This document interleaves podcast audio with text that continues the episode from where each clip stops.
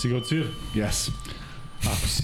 192. izdanje podcasta sa Lukom i Kuzom kreće upravo jedno od uh, nama najdržih velikih kadar, tako da odmah znate ko je gost. Vidi ljudi ko Pa je gost. kako ne znam kad smo najavili ko je gost? Pa, Ajmo da znaju trebalo, da da. Vanja, Treba- trebalo je malo da se vratiš u Po- nazad. Ponovi, Samo ponovi, je- ponovi. e, Čekaj, dolazi mi smo Poništi ovo. Poništi ovo. E, Vanja Marinković, kapiten, Vanja kapiten. E, tako ga znaju svi. E, šta ima Vanja, jesi dobar? Dobro, kako ste vi? Kako smo mi, mi smo fenomenalno sada kada si ti tu. Mnogo smo, ove, ove godine smo toliko pričali o o svim aktualnostima da nas su nam falili malo gosti, bio je Stefan nedavno i, i Mhm. sad nam je baš trebalo da pričamo s nekim o nečemu, a da nije ono... A da ne čujemo da nije odavde, Da, nego nije da je nešto... sudije šta a da nije žiža. To, znači, Da nije su žiža. sudi u Španiji, su dobro, ne? Loše. e, ali stvarno su loše. Ba, mi smo u jednom konstantno da su svuda loši iz nekog razloga, ne šta im se dešava. Ovo Ali- pravilo, sam mi reci, ovo pravilo što su uveli sa ovim izviđenjima. Mnogo kako- dobro. Dobro fora, a? Mnogo dobro. Ekstra. Jer, znaš, ono, ode, ode naš, uh, napolje, pa čekaj, pa onda Ovako samo... možda da bi neko uzeo challenge, a ovako, primjer, ako ode napolje i uh, ovaj hoće challenge, ne možeš da mu uzmeš, nego sve kao, ne, ne, ne, igra se. Igra. Roke, da. Nema, znaš, znaš, dobijaš na ritmu i sve, baš je super fora. Možda zamisliš ligu jugoslovensku da se tako igrala. Znači, nema uručivanja sudi. Mi kad smo dobili uručenje, mi smo bili u šoku. Znači, sve si trčao i zgrabiš i onda sad kao tu se pojavi neki koji mora da daš loptu. Da, pazi, x puta ono, neko da koš, Stanu, je li tako? pa da, ono, kao čačanska, znaš. Da, i samo je baš... Šibne je i ovaj, čekaš u... A zamisli Piber, Aba lika da si igra tako. Bilo bi divno. Bilo bi mrtvi. da. Pisalo bi se saopštenje na, na Trčao bi neko klizeći Da, da, strane. da, da, da. Neko je sa klupe baš uletao. Fotoreporteri kao, ja, ne. Ne, pazi, ali ako je prošlo tamo, vrlo moguće da ovaj da prihvati drugi. To i gašenje trojke, to su moje, ovaj, moje... ja bih Gašenje da budem- trojke. Znaš Da, kako bi se promenili? Trojku, znaš. Znaš kako biste lepo šutirali duge Ima, dvojke? ima, ima neke traume sad sade, kada smo se nešto kupili. Ali ti kao ostaje u glavi, trojka. znaš. Ostaje u glavi, šutiraj ti glavi sa 9 linija. metara, ja nemam ništa protiv. Ali to je dvojka. Ali je dvojka. To dvojka. E, ajde da krenemo ovaj redosledom. Znam da ste svi nestrpljivi da, da, a i mi smo nestrpljivi da slušamo šta Vanja ima da kaže, ali Nije to to, a? ja sam mislio kažem, Vanja, hvala ti što si bio, hteli smo da vidimo kako to salto Kako je- kako to izgleda? Kako je Da, da, to je samo da vidimo šta je A, salto. imamo, imamo dve obaveze. Jedna obaveza je da ispričamo malo vrlo kratko, da nam je bilo mnogo lepo na Zlatiboru, zato što obaveza, niko... to, To je zadovoljstvo, da, ali želimo da ispričamo pre nego što krenemo na pri, u priču o košarci, da nam je bilo mnogo lepo na Zlatiboru, da smo se zaista lepo proveli, uverili kakav je hotel i sad više ne pričamo ništa na pamet, s obzirom da niko od naših dobitnika nije bio, bar se nije Da. javio. Još uvijek nisu, dakle, uzeli su vouchere i voucher, da, tako će ići u budući. Divno je bilo, mnogo hvala ljudima iz Galensa, pre svega Đoletu, koji se zaista ponašao kao domaćin i mislim da stvarno imate ovaj jedan, jedan dobar ugođaj da da, da, da taj novac koji ne morate da potrošite na smeštaj zaista možete da potrošite i nije neka, neka, neka ovaj, drama u hotelu. Mislim da je baš zadovoljstvo biti u nečemu takvom. Jedan lep spa, a, prateće stvari su Picado Bilijar, O, ti si te spa centre znao si od ranije, jel? Ne, nisam bio na Zlatiboru. Ne, kažem, da, da, da, naravno, ono, naravno, kad smo mi išli po, po ovaj, onim prvenstvima, ti si te prvenstvima. spa centre. Ne, pazi, ponašao se kao da je... Ja sam morao da nadzirem omladinu. Da, da, da. Bio sam vrlo odgovoran u tome. Neka, neka. Doćemo, doćemo do toga. U svakom da. slučaju bilo je mnogo lepo i zaista ljudi ne libite se, čujte se s ljudima iz Galensa, verujem da ste dobili vouchere i kada, kada vam se omogući, kada vam imate ovaj, slobodno vreme, otiđite, uživaćete, mi jesmo i zaista je bilo lepo tih dva dana. Ne, stvarno je bilo fenomenalno, našim klincima je bilo tek dobro, oni su po ceo dan bili na tim nekim zezanjima, tako da ovaj, e, sadržaj je takav da zaista ne da nema šta da fali, nego sve što mislite da vam zafali, oni ovaj, unapred vam već daju. Od samog početka kada su nas dočekali šapanjcem, pa do kraja kada su nas ispratili Nismo mogli da sa poklonima. nismo mogli da se sa recepcije kad su otvorili ovaj, tako da je, da je bila odlična, odlična priča ta dva dana, uživali smo i u tim Um, koncertima u oči Vidovdana, zaista fantastični glasovi, Jeste. Danica Crnogorčević i Grupa grupa, Trag. Trag, Trag Tako. bilo je tu još izvođača, bilo je zaista onako spektakularno i mi smo I tamo će se dešavati, što smo bili, da, da. i tamo će se dešavati raznorazni programi, tako da ako vam se pogodi da budete tada ćete uživati još nečem dodatnom. Inače se nalazi u samom centru, dakle Jeste, da. jezero je 14 sekundi hoda i od, od nije bilo hotela. potrebe da izlazimo iz hotela, mi smo izašli ovako u jednom babu, Da udahnemo vazduh, svež. Da, ali napolju grmi, gori, pitao nas kao ste živi, mi ne znam, mi unutra uživamo. Pada kiša, da, grmljavina, ništa je vidio. zaista ja ovaj, ono, otišao sam sa 107 kila, ko zna koliko ima sada, ali ovaj, e, bez zezanja, dakle, svi vi koji ste dobili Zlatibor e, i koji ćete ići tamo. I javite se dan. Odbine, na, javite da, se da, dan. da, znamo kako je bilo, odnosno da, da imate, ovaj, da imamo neke fotografije ili bilo Tako šta. Druga stvar, odnosno druga... Druga stvar je, pustite momci, ovaj, završilo se evropsko prvenstvo u, u Sloveniji, e, bez obzira što je krenulo dobro, pa onda smo naišli na taj neki poraz o kojem ćemo pričati baš i sa našim gostom večeras, koliko su neugodni ti porazi u četvrt finalu, u osmini finala, u onim čudima izbacite iz, iz potpuno iz takta. Tako je Srbija izgubila ubedljivo i, ajde kažemo, od prvaka Evrope, dakle, Bar nešto. o, tako je, dakle, od ekipe koja je zaista bila strahovita i uspeli smo da osvojimo peto mesto, što ja mislim da je fantastična stvar i ono što, što, što ćemo posle pričati sa našim gostom, osjećaj da ti sa pobedama napuštaš prvenstvo. Dakle, neko ko je četvrti ne može da bude u boljem osjećanju od Srbije koja je peta savladala dve velike reprezentacije, naročito Nemačku i, je li ide to šefe? Nešto ne ide, a? Evo, da, i da vidimo samo kako je bilo na dodeli. S obzirom da ovaj, tužno je što je malo publike bilo, a, nažalost ženska košarka je došla dotle, a mislim da se izuzetno trude i ostavljaju onako a, sve što mogu na parketu, a, da ovako slabo bude posjećeno. Ne, pazi, nevjerojatan je paradoks tu u Americi, dakle, ja se sećam da su naše devojke na koleđu, bilo je puno i uvek je na koleđu puno i onda dođeš WNBA gde nema ono nekoliko stotina ljudi, ja sam Na, sinoć nevjerojatno, gledao a neki koleđ, meč. a koleđ utakmice su bile... Pazi, Alice Sparks, sinoć su igli protiv Dallas Wings, ja gledam to zašto sam lud. E, znaš, ovaj, ali pazi, što je najgore, nit košarka, nit nešto, ne znam šta da kažem, ali naše devojke su baš zaslužile da ih ispratimo kako treba, dakle ovo nije neuspeh, jeste da su branile Daj zlato drugi snimak, šef. Ali su definitivno uh, ostavile dobar utisak sa jednim potpuno drugačijim timom u odnosu na ono pre dve sezone. Belgijanke su zaista zasluženo došle do zlata, pregazile Srbiju u četvrtfinalu. Možda to nije realan odnos snaga, međutim ta Ema Meseman i još ove devojke koje igraju godinama zajedno su preveliki zalog. igrale su neke životne utakmice, Yes. zaista su napravile. Ali vidi, peto mesto za Srbiju u pomeđenom sastavu, u mnogo drugačijem sastavu i kad taj kvalifikacijon olimpijski turnir, ja mislim da je to dovoljno dobro da smatramo i ono što je rekla Marina Maljković, ovaj, da smatramo da je, da je i ovo prvenstvo prošlo uspešno, ne može se uvek biti na tronu. Pusti Marinu, molim te da čujemo i onda će se javiti Boža, Malj... Boža Maljković. Marinu Maljković pusti, a Bo... Bože će se javiti Boža će se javiti. Selektorka cilj ove utakmice je ispunjen pobeda i plasman na olimpijske kvalifikacije. Kako je vama sve ovo izgledalo? Nije cilj ove utakmice, cilj ovog prvenstva je to bilo.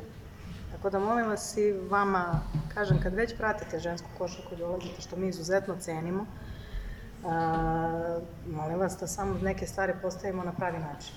Nemojte da pričate drugo, ne znam šta pokušavate uopšte u nekim drugim, u, u drugim nekim stvarima. Ne, znači, uopšte nema potrebe za ovim što, što u nekim momentima napravimo. Znači, cilj ovog prvenstva je bio zvanično da pokušamo da se plasiramo na olimpijske igre, nego osvojimo medalje.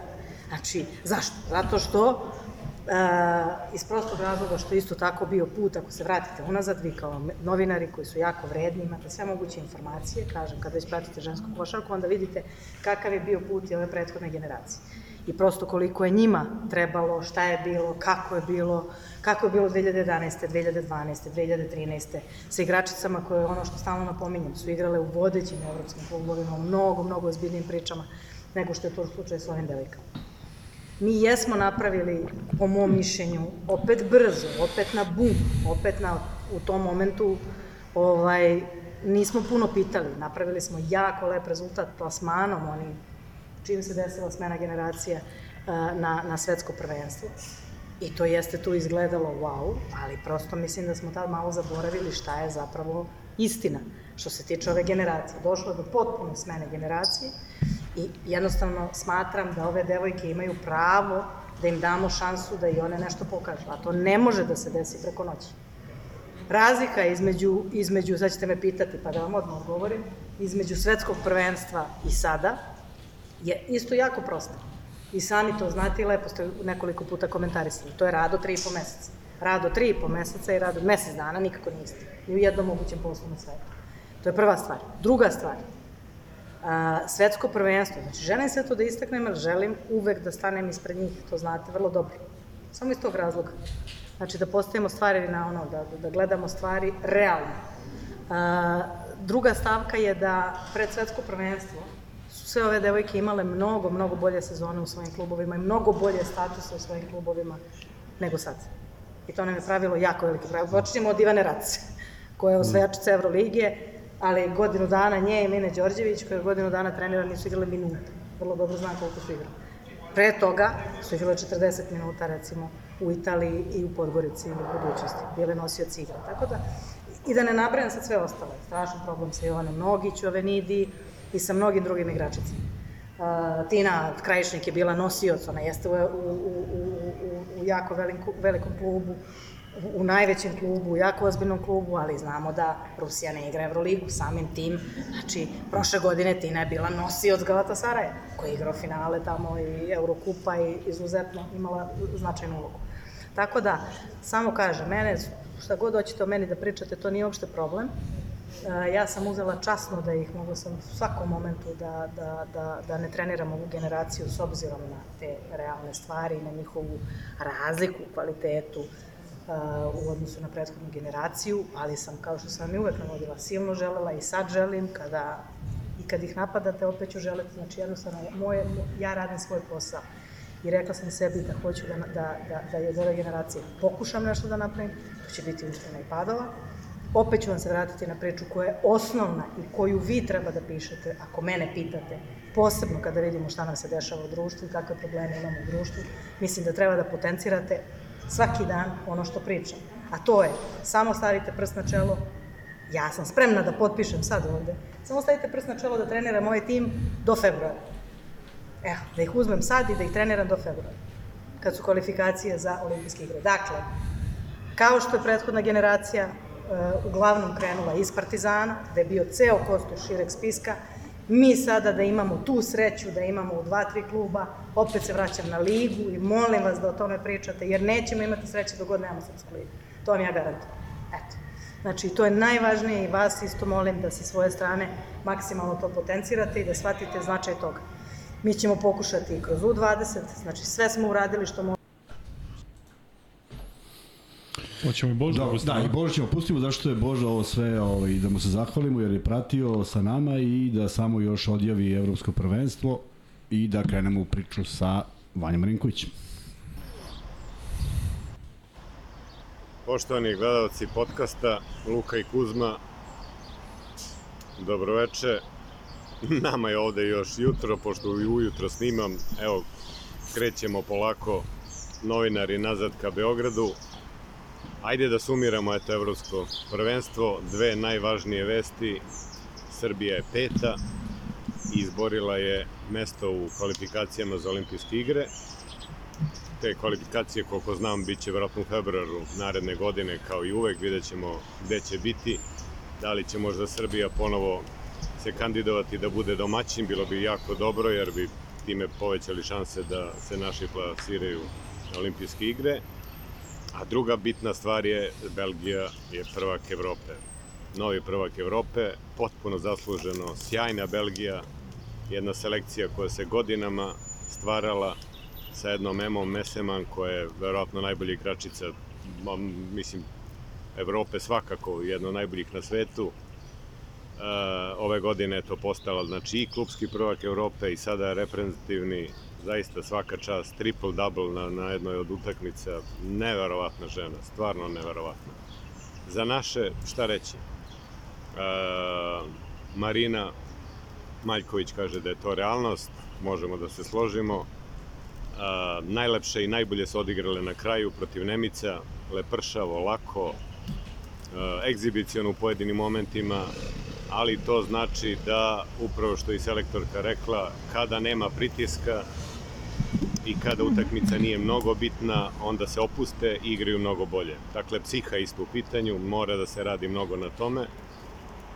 ima mladih devojaka, ima onih koje trebaju da nose reprezentaciju u narednom periodu, biće tu i ove devojke iz U20, Marina će već početi da radi sa njima, tako da će se priključiti i oni za kvalifikacije za evropsko, a i za taj kvalifikacioni turnir za olimpijske igre a, nije, nije tako loše na kraju, naravno možda je neko više očekivao, možda smo mogli mi da budemo umesto te Mađarske u polufinalu sa Francuskom, tako nam je otprilike negde bilo možda i mesto, nažalost izgubili smo baš tu utakmicu protiv Mađarica i to je što je. A, realnost je takva, glavno je da smo ostali na košarkaškoj mapi, znači borit ćemo se za olimpijske igre i nadam se i otići tamo.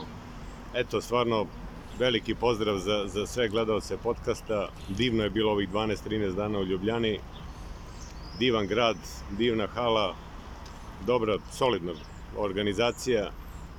A, tako da, uspeh kakav smo eto imali, sad svako nek oceni da li je to malo ili mnogo. U svakom slučaju, sve najbolje i pričat ćemo još u podcastu, siguran sam, o, o ženskoj košarci. Laku noć i svima i prijatno iz Ljubljane od Božidara Manojlovića. Reče Bože, laku noć, a za nas Lako, a, veče mi tek počinjemo. Da. Ali ajde da počnemo baš ovim. Evo, ovaj, e, pristupali smo nečemu što, što sam imao prilike baš sa Vanjom da prolazim. Ti neki moji prvi poslovi su vezani baš za njegovu generaciju u 19 e, na Kritu. Pa smo ponovo bili na Kritu kao u 20. Ali ovaj, e, ljudi teško mogu da razumiju da ti jedna pobeda stvarno vrati kući. Vratite, resetujete potpuno kao što smo mi to doživjeli od Australije. I e, sećaš se koliko sam puta pričao njemu kao čoveku koji je ipak kroz sve te utakmice bilo za prvo, četvrto, peto, osmo, deveto ili u kom god delu, delu o, o, prvenstva, igra, igra, igra svoju igru i igra i želi da pobedi. Kakvi su tvoji utisci vezano za reprezentaciju taj period i jednu generaciju da nije bilo mnogo igrača tvoje tvoje godišta, pa je bilo skrpljeno od 96. 97. čak i 98. Pa znaš šta, e, dosta je teško ovo što se rekao prvo kada završiš neko prvenstvo porazu, makar to bilo finale.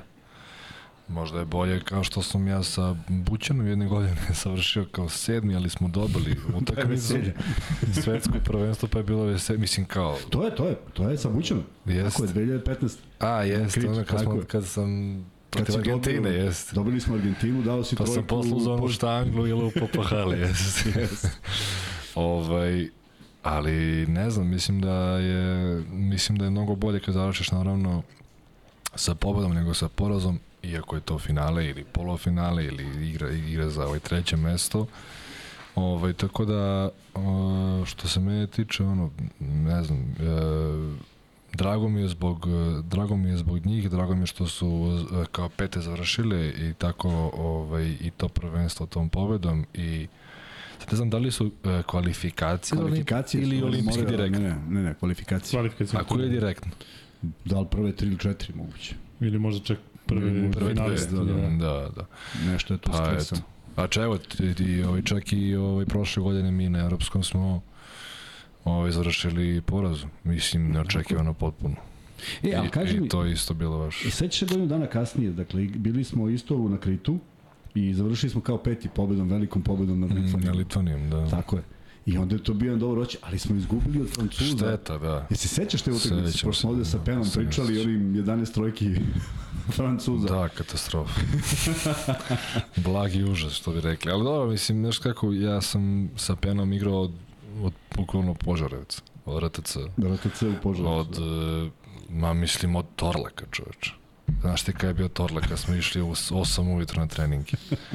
Bukvalno tad. I onda kako, znaš, ulaziš na U16, pa U17, 18, 19, onda kao, nisi više RTC, sad si U19 reprezentacija, koliko god si ti klinac, u, ti misliš da si malo sad sazreo i sad je tvoje vreme došlo da nešto osvojiš. Na sreću pa naša generacija realno uvek išla na te neke medalje, realno je bila priča ta, u 16 on je osvojio pr prve godine da li treće mesto sa Ičelićem, nemam pojma, pa smo mi u 16 izgubili finale, ja sam promašio šut za pobedu od Španaca, pa u 17 bili treći, 18 drugi i znaš, uvek neka medalja. I onda kad smo došli na to u, u, u 19, stvarno smo sa mentalitetom kao je, pa mi ćemo da osvojimo, razumeš. I bila je dobra ekipa. Ovaj, I onda tako, naišla Australija. nije Australija, Francuska. Ne, u 19 A u 19 Australija jeste u onoj maloj sali, jest. a u 20 je Francuska. A, ja, izvini, ja to mislim, da, već dobro, se pogubio. Da. Ali eto, znači u 20, ajde kažemo, sa Đokićem i super pripreme i atmosfera i, i, i uh, pre toga u Turskoj turnir osvojili dosta osvojili lagano. Slataman, da. Dosta lagano i onda i prvenstvo i grup, pukli smo Španiju u grupi. Krenuli smo porazom od Španije, ali nas nije ništa uzbudilo. Jer Da, dobra i mi smo nešto posle mislili kao ovo sigurno vlada nešto kao kao Namestio, kuliše da, da. nešto. Ne, Francuzi su bili potpuno Jest. iznenađenje, jer mi smo demolirali Jest. posle Litvaniju i prošetali Mi smo dobili ali posle i, i, i da, sve. Ukrajinu pa Litvaniju. Tako da, mislim, šteta, stvarno šteta, jer, mm, znaš, baš bih volao da imam sa tih nekih uh, mlađih ovih kategorija zlato jedno i mislim da je te godine bilo baš realno da su uzme zlato. Ali, ono, što ono kažu, Žuti je dalje. basketball gods, znaš. Evo vidiš, e, koliko, koliko, koliko te medalje donesu zaista, da li, da li naprave neku razliku u karijeri? Osim što imaš lepo osjećanje da si, da si nešto osvojio. Pa zavisi opet u kom klubu igraš. Ja mislim. Znaš, uh, u to vreme za prvi tim niko ne igra. Osim mene i, i Stefana. Tako, a već smo, a već smo seniori. A već već smo- ulazimo u seniorsku da, košarku. razumeš. I, mislim, ne znam, možda jeste, ali ja sam igrao u Partizanu, igrao, a on je bio treći play Barse.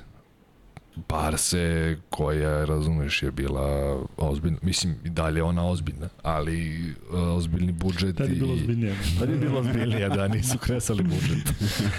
ovaj, Kad Španci ovo prevedu kad ga dočekaju. Da.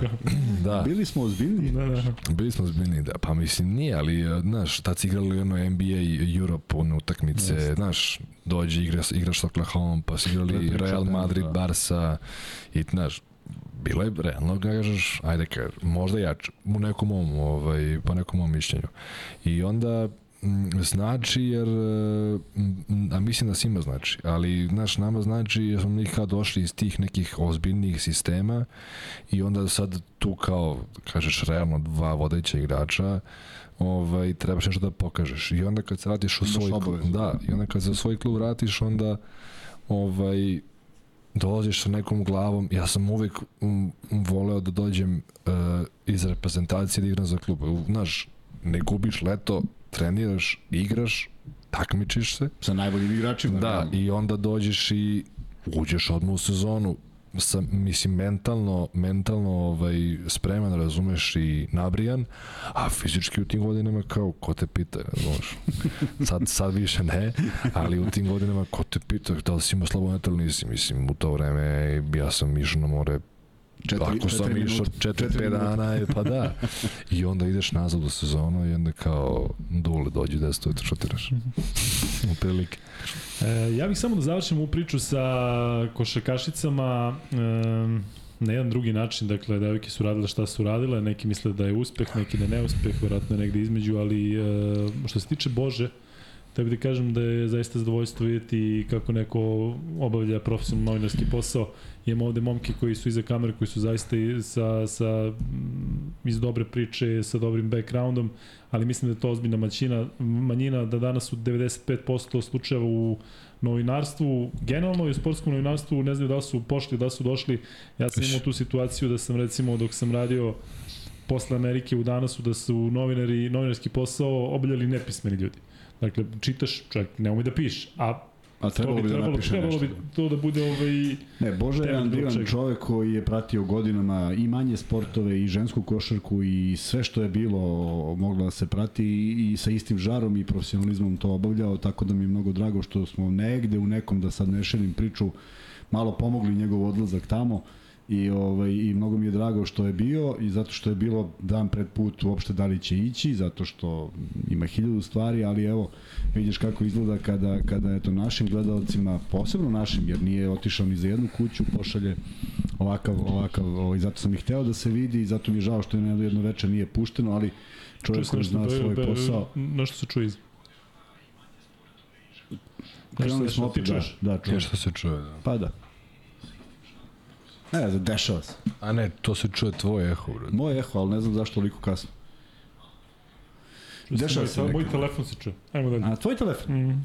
U svakom slučaju, hvala Boži i ovaj, drago nam je da smo Sam uspeli da ispratimo ovo i drago nam je da su devojke pete, jer ja, uh, ono kada je reprezentacija Srbije bila peta, uh, najveći žal je što peto mesto nije vodilo na uh, olimpijadu, ali ne smatram da je peto mesto, kao što nisam smatrao Moram da ti ispravim na olimpijske igre. Na olimpijske igre, da, tako je, upravo si.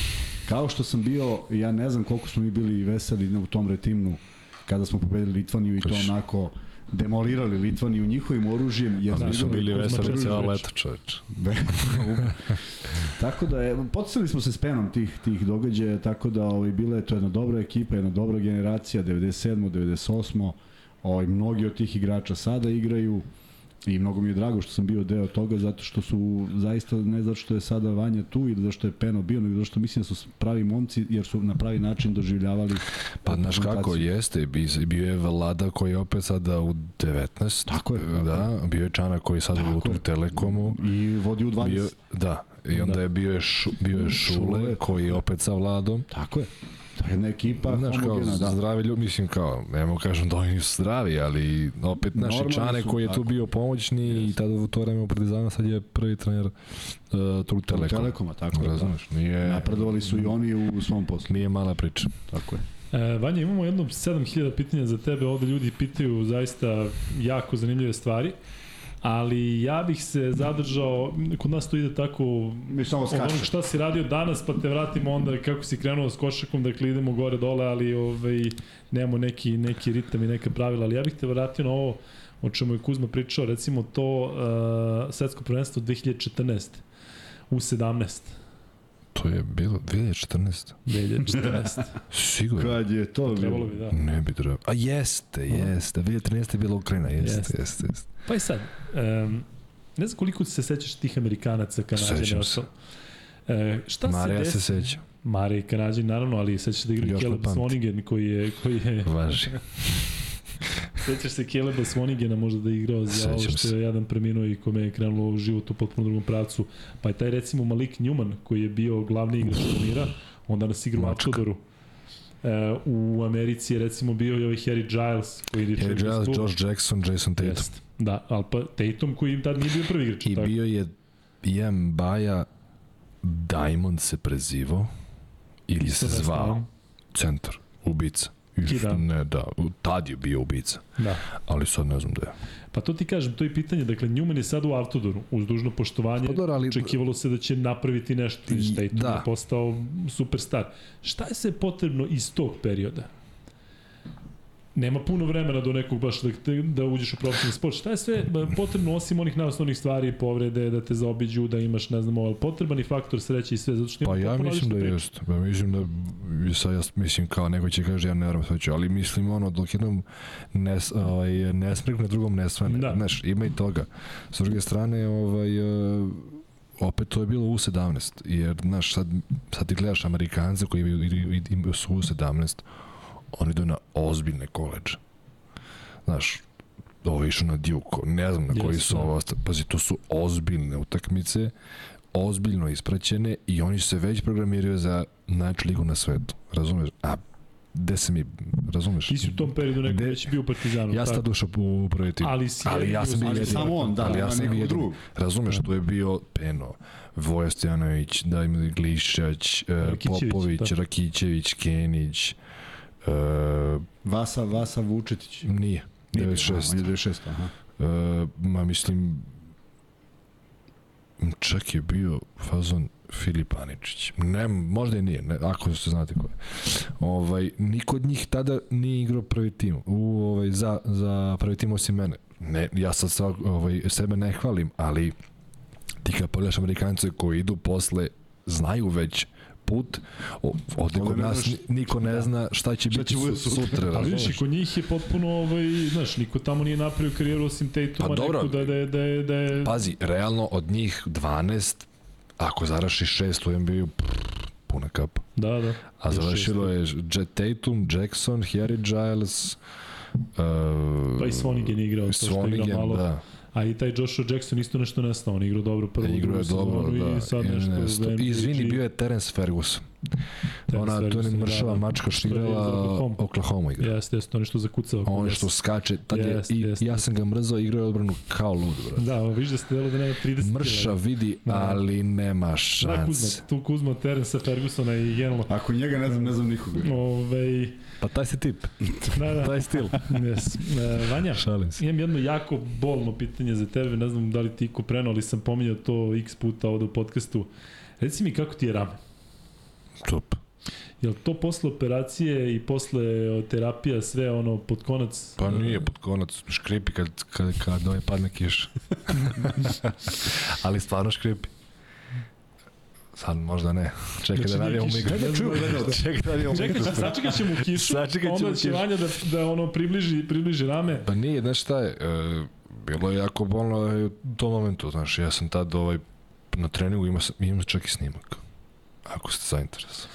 Ja jesam zato što sam imao istu povredu ramena, pa zato govorim. i ja, To je pazi, pakao. 5 na 5 igramo, ili 4 na 4, na primjer, u Valenciji, kod, kod ovog Ponsarnao, gde realno treninzi nisu bile nešto. Mislim, ono, kad kažem, ono, uđeš u, u ono, sezonu Euroliga, nemaš ni, ni vremena realnog za trening. Dupla nedelja, Da. pa na ovaj dođe ACB, koji je ozbiljan, neko te čeka i onda nemaš vremena. I mi igramo 4 na 4 i neka kontra i ja u odbrani ovaj, skočim unazad i dalje bio Puerto ovaj sad što igra.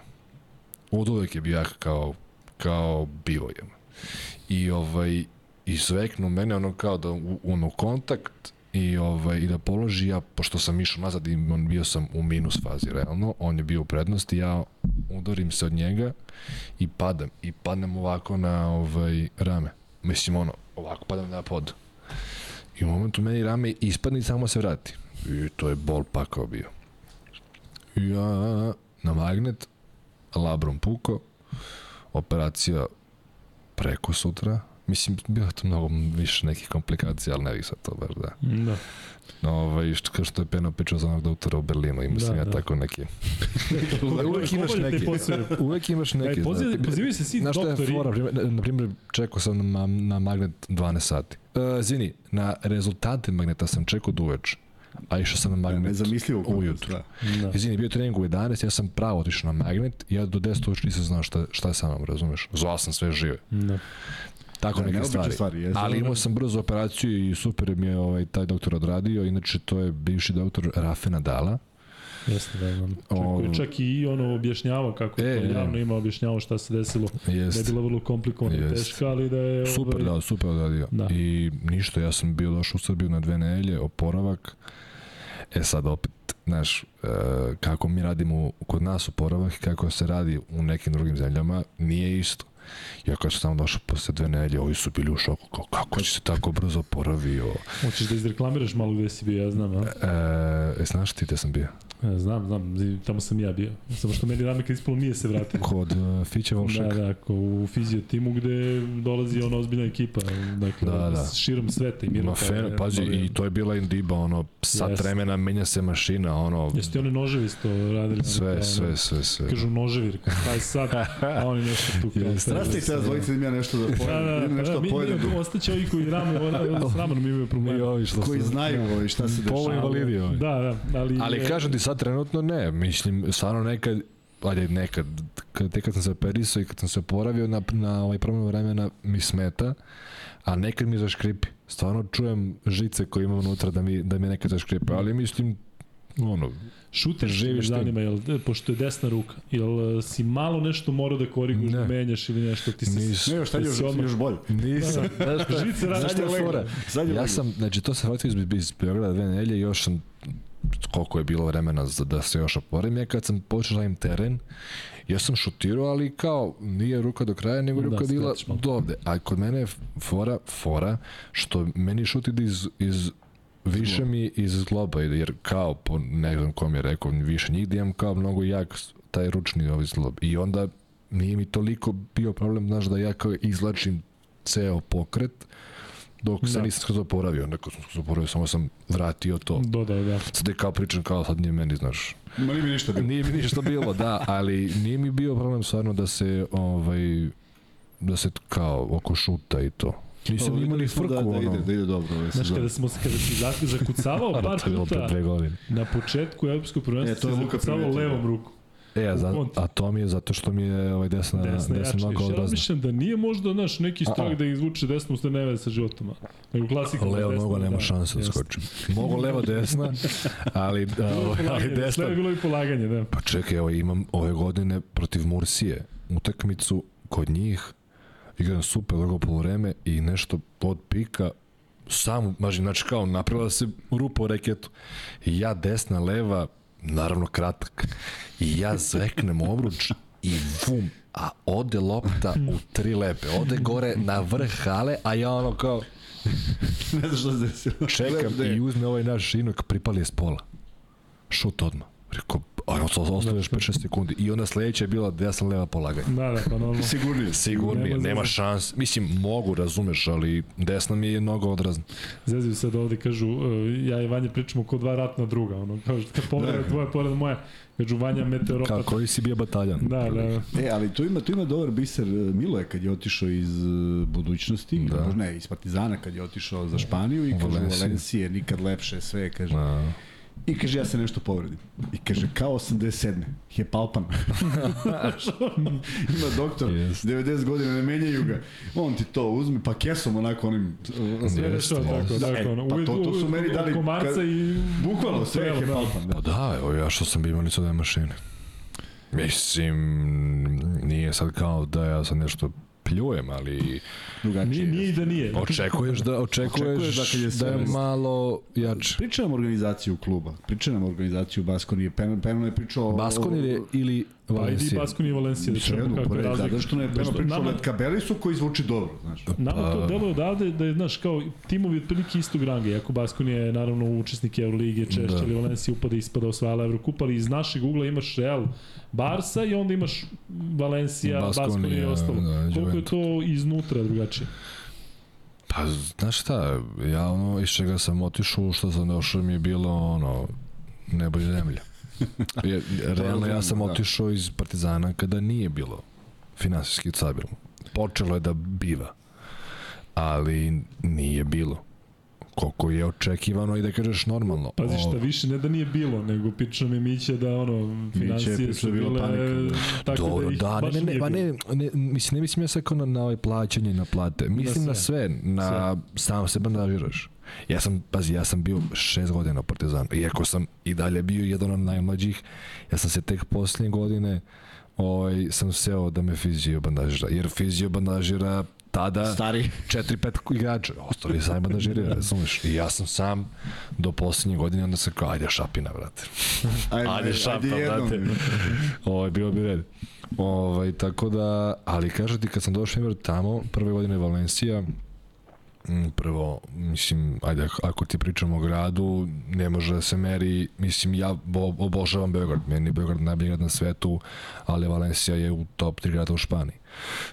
u smislu vremena, hrane, na moru si, sve lepo, sve Sve mirno. isto rekao da nema lepše. Da. Ovaj, u, ne znam, zima. Zima je 10-15 stepeni čoveče i piješ kafu na suncu. Kao ovde kad je mart. Znaš. Da. Ovaj, a što se kluba tiče, bilo je super ovaj, do te neke moje povrede, jer ja posle sam im, ja ovaj manji igrao, gledam, ja pričam iz, svog- iz, svog, iz svog ličnog iskustva, zato što ovaj, kad sam došao je bilo stvarno dobro i ovaj, kao nova ekipa i došli novi igrači i tako to.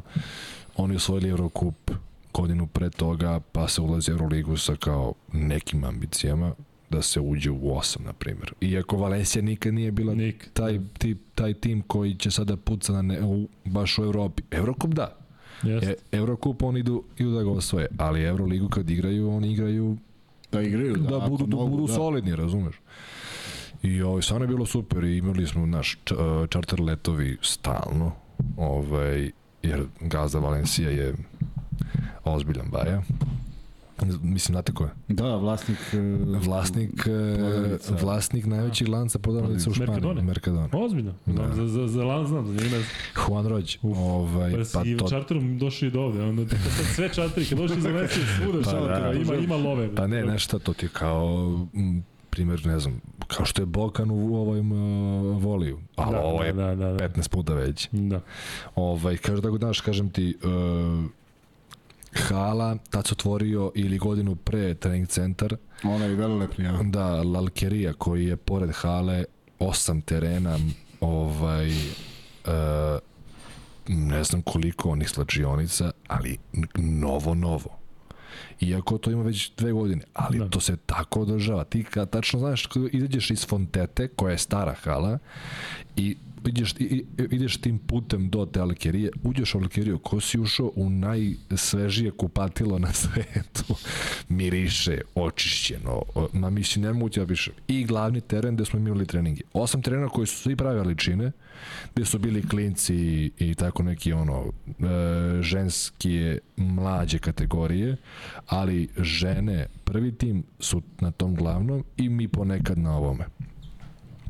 To je bilo fenomenalno. I kažem ti to, čarter, e, e, organizacija oko, ne znam, treninga, sastanka, na putovanjima i sve, mislim, i, znaš, odakle sam došao, stvarno je meni to bilo 10 od 10. I onda ovaj, u Baskoniji je bolje, zato što su Baskici, odnosno gore, taj ser Španije su malo kao Nemci.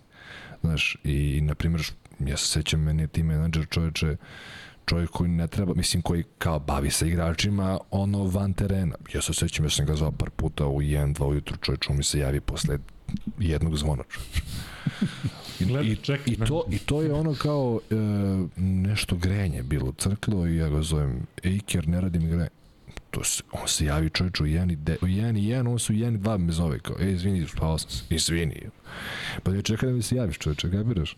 Ovaj, I stvarno je super i hala je fenomenalna, ovaj, Bues Arena, stara, mislim stara, ima godina, ali je ovaj, velika, jedna kao, od- ja, koliko ja znam, najbolja hala u Španiji kad se napuni ono i ovi navijači i sve stvarno je Jeste, jeste, stvarno je ono godinama. baš baš ovaj poseban neki ambijent.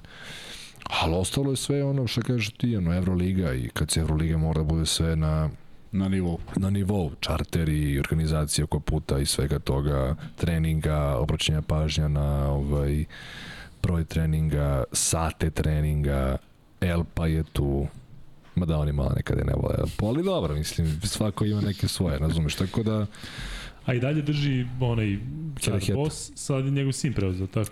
Ja mislim da da, pravo ti kažem, ja sam čovjeka vidio i da to u životu nikad nisam upoznao, Da. kao ni gazdu Valencije.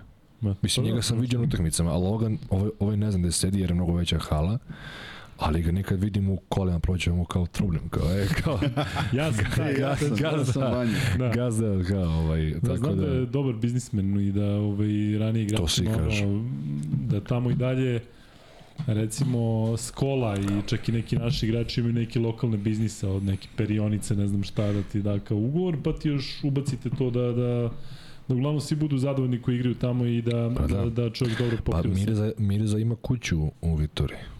Mi- Mirza, Mirza da. Teletović, Jel koja tako? je od hale. Sad je, sad je on u Vitori, došao je nešto prošle, ove sezone nešto, došao se operiše, ne znam šta. Da, ovaj- onaj blood clot, ja mislim da ga to nešto muči. Moguće, moguće. Da. Zapušenje krvnih sudova, da. Da, da. Ovaj, tako da on je sad, inače ta kuća koju je kupio se izdavala godinama za igrače, razumeš? Da. I bukvalno je kao kuća, ogroman park i hala. To. A ja sam u te kuće na 20 metara. E, Tako da čekam da ode. da budeš još bližnji. Evo ga, stiglo je naravno naši šalju, Nenad Nešković konkretno kaže Diamond Stone. E, on. Znaš da Bravo. igra? Ja nisam da kažem Diamond Stone, rekao, to je stigao neki naziv filma. Na, zamisli se, zamisli se, ispravim Kako se debil. zove? Kamen Dijamant. Ma daj. Kamen jeste, budalo. jeste. Čalik, evo se zezali. Igra na. Tajvanu. Na Tajvanu, Da, da. sa Howardom, što? Ja, pa tamo ima sad love, tako da tamo igraju ozbiljne glave.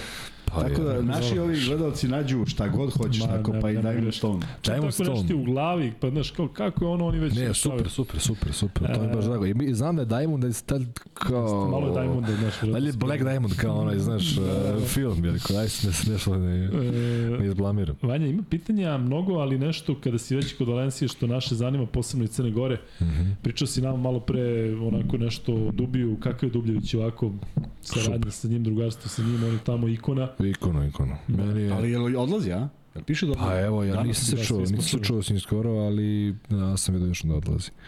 Mislim, ja sam, nešto sam se ja s njim posle kupa i tako to ovaj, pričali oko toga, nije bio siguran pošto mu je ovo posljednja godina ugovora, ali evo sad sam ja da odlazi. Ma mislim super, je Du- Dubi ovaj, meni baš pomogao kad sam ja došao, pošto sam prvi put išao od kuće.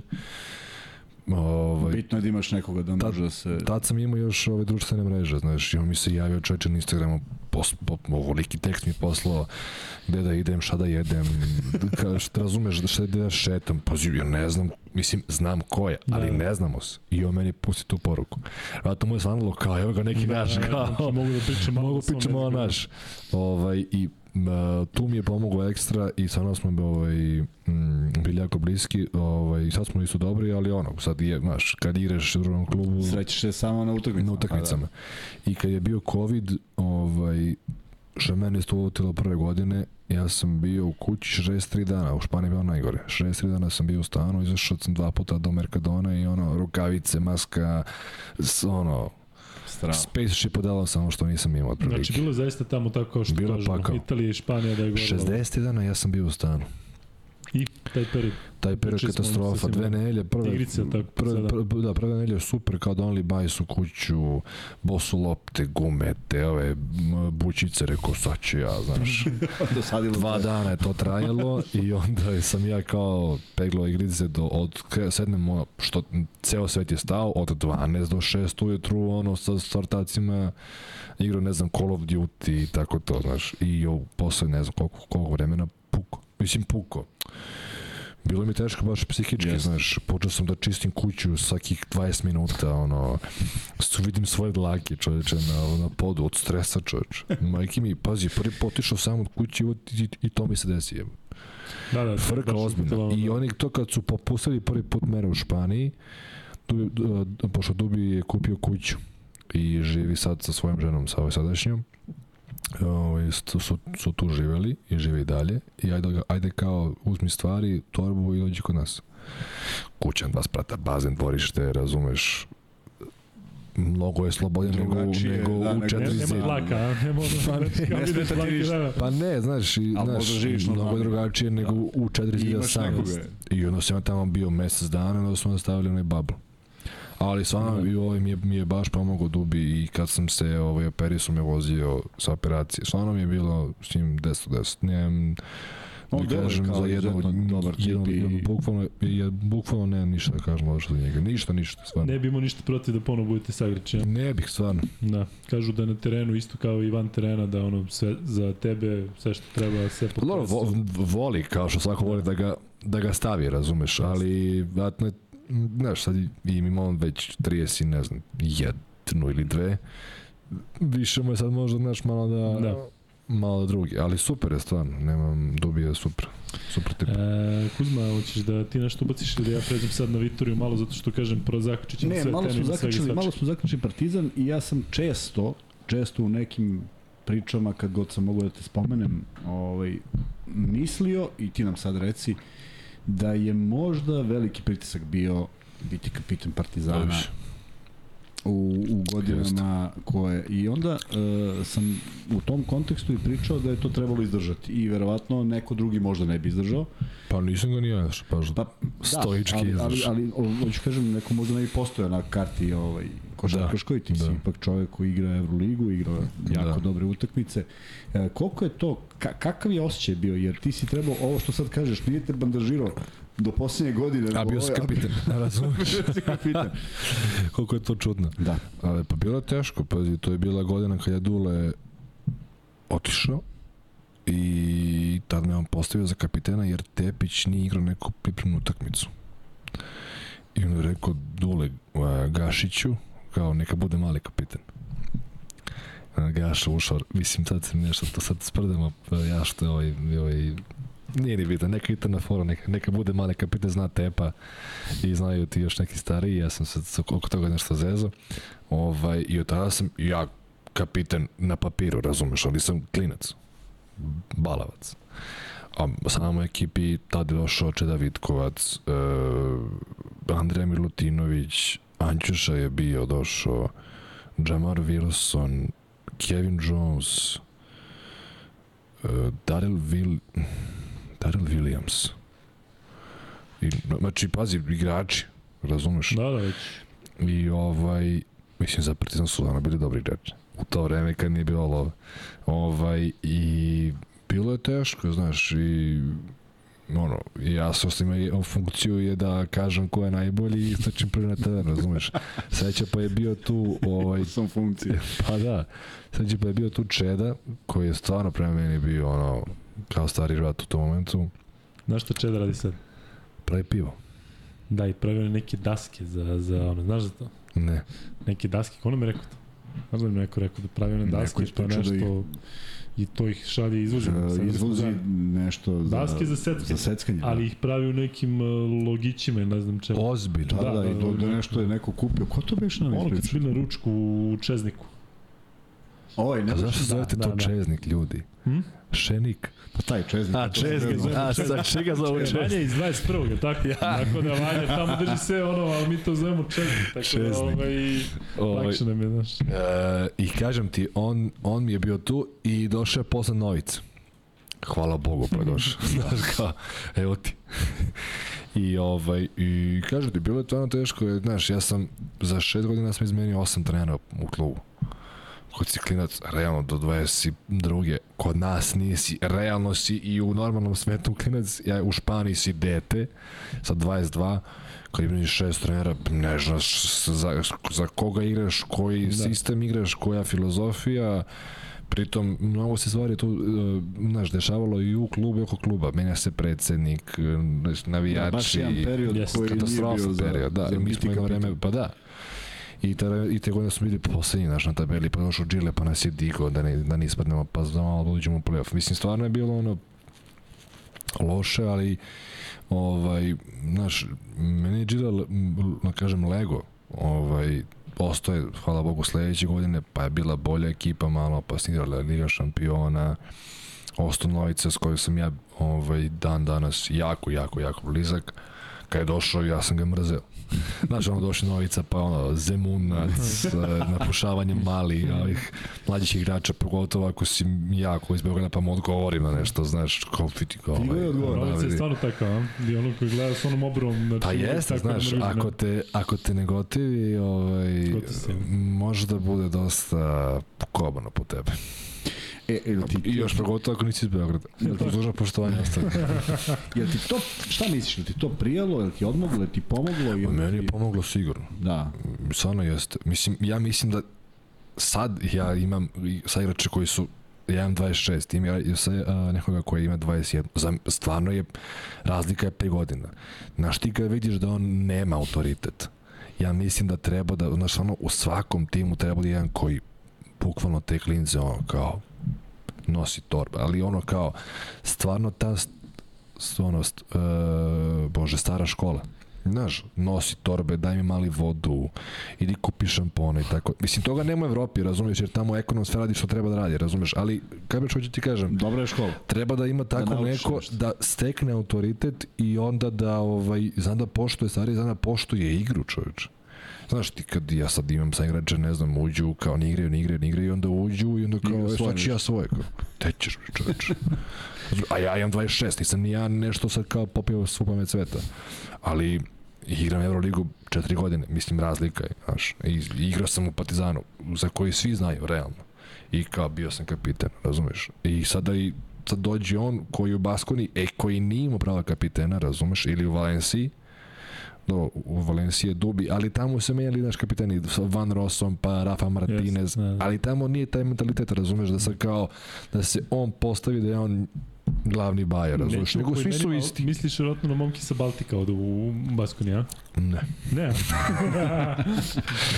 Pa ne, da- šalim se, ali stvarno, znaš, e, e, e, oni su talentovani ekstra, Jeste, jeste. ali šteta što, znaš, o, njima je bio kapitan Štangelija, pa mi je bio Granger. I, znaš, menjaju se, menjaju se kapiteni, pa ne mogu da stekne autoritet. Što je, ja mislim da je stvarno loše. Da. Ne, znaš, sa, samo dođe, na primjer, ne znam, dođe mu neki koji ima 30 i kao, e, da baci loptu, kao, ma daj bre, ja šutam bio sam. Dajem ti kao primjer, nije to bilo. Pa sam isto da kažeš novici, čovječ. Ja ti kažem, iz mog ugla ja da kažem novici. Ne, mi pala uopšte na pamet da mu ja to kažem. A zamisli da mu kažem. Da. Pa ne bi, ne bi živost. Ali to treba. Ja mislim da treba. Možda neko misli da ne treba, ali... Ne, pa naravno ti možeš da govoriš iz tog ugla zato Pa što da. si bio u ovoj, ovoj ulozi, tako da ja čak mislim da kod Novice verovatno to jeste namera da te očvrsne, da nije, znaš, možda deluje kao gad, ali Pa je. da te proba, da te stavi na probu, Pa da vidi kako kakav ćeš si, da. Pa i, pazi, E. eto, znači, jer mi, ja sam ga mrzao tih ko prve, prve godine, posle smo pili kafu stalno. Pet treninga, ali stalno. Iako je razlika u godinama, ono, Velika, da. poveća. Da. Razumeš? Ali ono kao, vidi, vidi kao kakav si i šta, i, i šta može s tom i sve i onda znaš, ceniš ga, razumeš, poštuješ ga, ipak je Novica, znaš, ime, realno. Glava, da. E, ajmo još malo o tom periodu Partizanu, kad smo već tu promenili si tada mnogo trenera, sa Čankom znam da, da si imao super odnos, tako i u tom mm. periodu i, dok je, dok je ovaj, e, ali bili su tu i Šćepanović i Filipovski i promenilo se mnogo Nisam ja bio tu kad Ne su, tad, je tako? ne. Ja sam otišao kad On nije u tih osam, nije, a? Je tako? Dule, Bera Dule, Božić, Džile, Džile, Vlada. čekaj, čekaj, čekaj, čekaj, zbuniraš me Kuzma. Dule, Džile, Pera Božić, Muta, Čanak, Trinkieri, šest. Šest. Šest komada, da. Ti si već otišao kad je... Kad je I Čanak, ne, rekao sam Čanak. da. O, Meni ne. se čini da je osam, a? Si rekao malo pre osam, za šest godina. Mislio sam da je bilo 7. Da. Nema veze. 6, boj si opet je mnogo. Da, Ali mnogo, ovo što mnogo je govoriš, da, potpuno drugačije, drugačiji, e, ali ajde da se, da se samo vratimo na to kad je Dule prekinuo taj dug. Šta se sve promenilo i kaže da je bilo sve, ali to onda potpuno neki sistem pukao zato što je sve nekako realno nizbrdo. Pa dobro, te godine je počela da Zvezda da osvaja ligu. Znaš, i onda Partizan realno te poslednje godine kad smo osvojili KLS u kojoj sam ja isto bio ekipi, on nisam igrao. Ove, I se da je to kao naš poslednji ono, ono kao pokušaj da se Da. nešto uradi s- u, u, u to vreme ovaj, u Partizanu sa takvim našim si o- ozbiljni igrači, Bogdan Tepa, Saša, Milutinov koji tad bio klinac, ali igrao do, do, do, ovaj dobro g, Bože, sad ćeš da me Terence Kinsey bio te godina pa je otišao, ali kažem ti, ozbiljna ekipa, mislim, velika imena. I ovaj, i onda, znaš, bio je Dule sledeće godine, pa je to bilo malo ono Mačvan, e, Saša, Tepa, Luka i onda je počeo jedan dole, znaš, otišao je Dule zbog svega što se izdešavalo. Ovaj, e, finansijski je klub isto bio u problemu. u, da, u downu, pa je došao Pera Božić e, kao pomoći trener koji je bio Dule tu. Nažalost nije ovaj, dugo izdržao. Je, mislim, veliki pritisak, razumeš, na njega. Tako. Razumeš? Posle Duletovih toliko titula nema strpljenja za bilo koga drugog. Pa šta, da, a i znaš, to sve vreme e, menjaju se predsednici i tako Jeste. to, znaš. Baš turbulentan period, Ba, baš, znaš koliko ljudi tu, je tu prošlo kroz, kroz, e, kroz klub. Pa ja ne, mogu, ja ne znam, bukvalno, znaš, onda, onda, do- onda, onda, onda je došao Džile na polusezoni i poslednji čoveč. Partizan i bio transparent sa vama i u beton ligu ako treba. U hali 500 ljudi pionir, a mi igramo na primjer sa, ne znam, Krkom.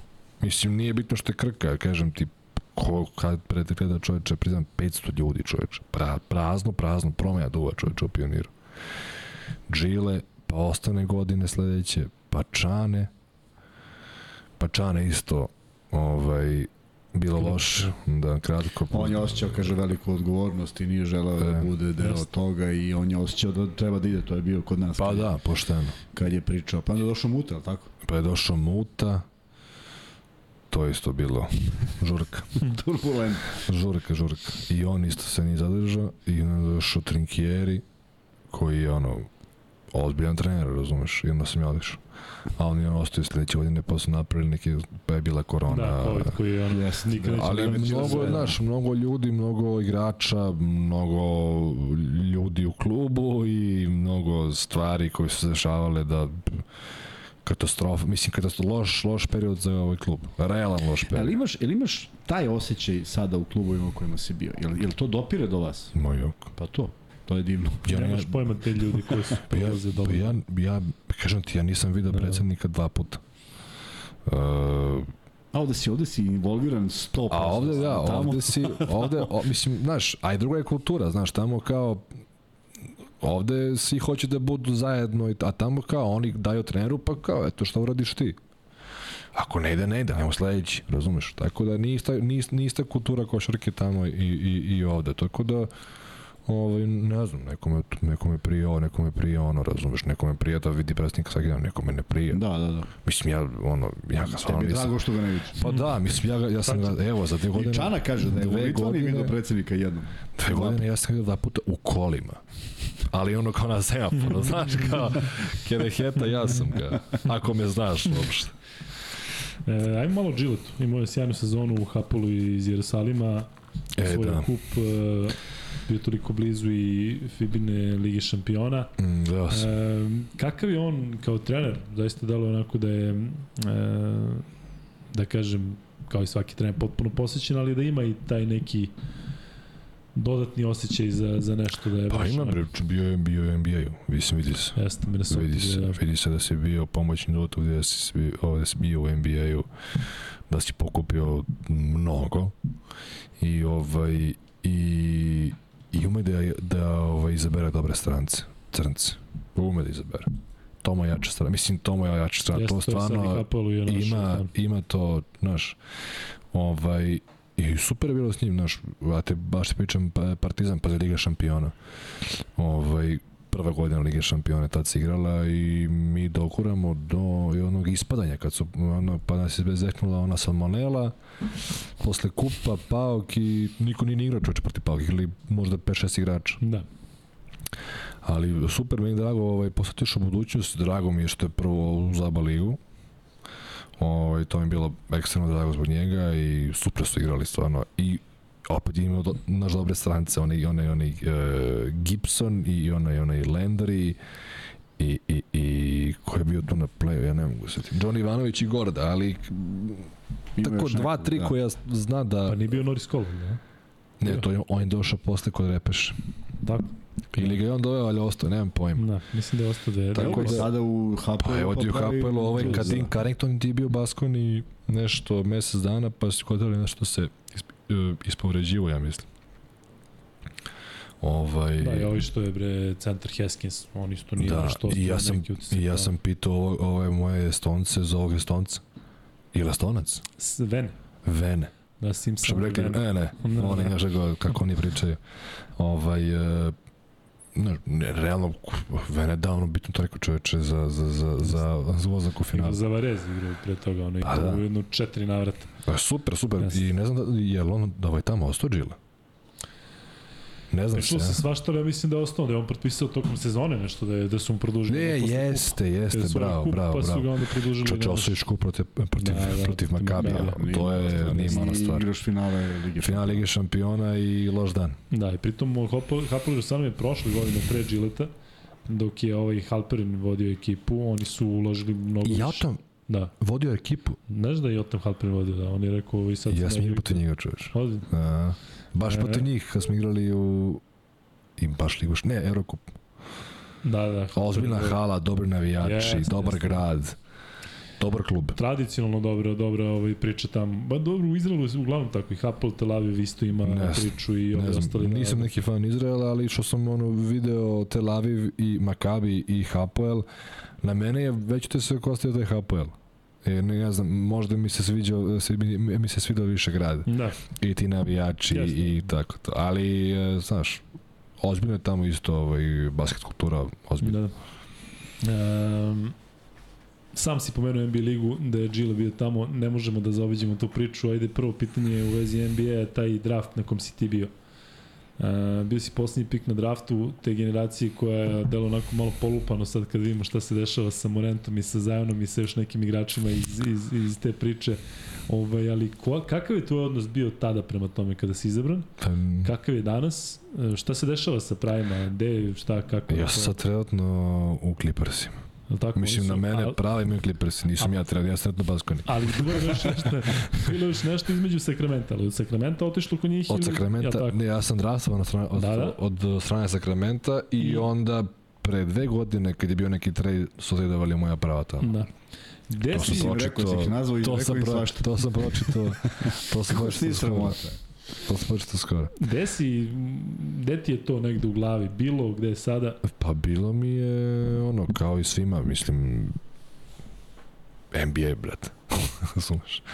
Ovaj, I onda kad sam, ja sam čak išao tamo posle onog finala kad je Billy Bear napravio uh, legalan, Ništa bili korac. To, su bi, to je bio dvokorak. legalan To je dvokorak. bilo dva i po E, to koraka. se tu da je. Zamisli to, ona kad je bila na vrućina, pa kad je prona kondenzacija, na katastrofa. Polukorac. Ne moram da pričam. Ja vidim su oni u rukometu koraci. Stvarno da bi u svemu su bili čekaj, koraci. stari. A to, a to bi rekli španci paso zero, znaš. Kakav, kakav bre korak nula, bre, šta je znamo ljudi. Uglavnom, ja, to je bila ta, ta sezona moja poslednja i ja sam dan sutra leteo za San Francisco na workout u 7 ujutru. 15, 15 sati leta ovaj, do tamo, došao posle 20 minuta, ajde kao treniraš. Važi. Amerikanac, A ono to, tamo da. četiri crnca, brate, čekaju te. I jedan, jedan i to sve i kao hvala ti što je došao, ono, klasika. I to večer draftovan, odnosno dan sutra draftovan. Nemam ni pojma, baš ne dobio pojma o vremenu tad bio. I su, mislim, osjećaj je ne, ne, naš, nerealan. Mislim, meni bar je bio nerealan, ono, iako sam bio poslednji ovaj pik na draftu, ej bre, pik na draftu. Da. Kao da si prvi. da. Razumeš? Ovaj, tako da, i onda ništa, sam se vratio, čuo sam se tad sa Vladetom, ili Vladom, kako se već Vlad. kaže, i tad je bio Luke Walton je bio trener, ali to je tad to, na tome ostalo. Ja znaš, je bila neka priča kao nešto letnja liga, ali ništa od toga. I ništa.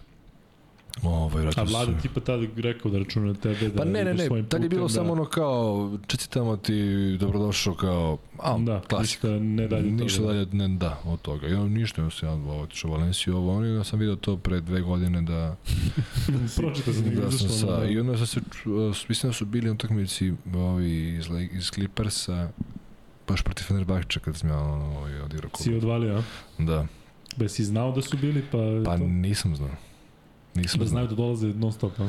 Pa da, možda da sam znao ne bi bilo tako. I jel sad ima neke priče, ovaj, nešto? Ne, ne, ne, ništa. ne, ne. Znam samo da su bili, a što, što znam, to Da. je to. E, Ali, mi, stvar, ali stvar je ono, a, mislim, ne Da. mogu da kažem da je kao da sam prema kao, maš, kao, kao bude biće volao bih da bude, ali u ovom trenutku nisam trenutno za tim lud. E, Joka i ova sezona Denvera, koliko si pratio, koliko si gledao, koliko si... Finale sam gledao svaku, možda, ne znam, ne znam, a gledao sam posljednju sigurno, to jesam. Ovaj, I pratim, naš, uh, kad ustanem, kad ustanem ujutru, onda uz kafu gledam Jokin Da. highlights, prilike.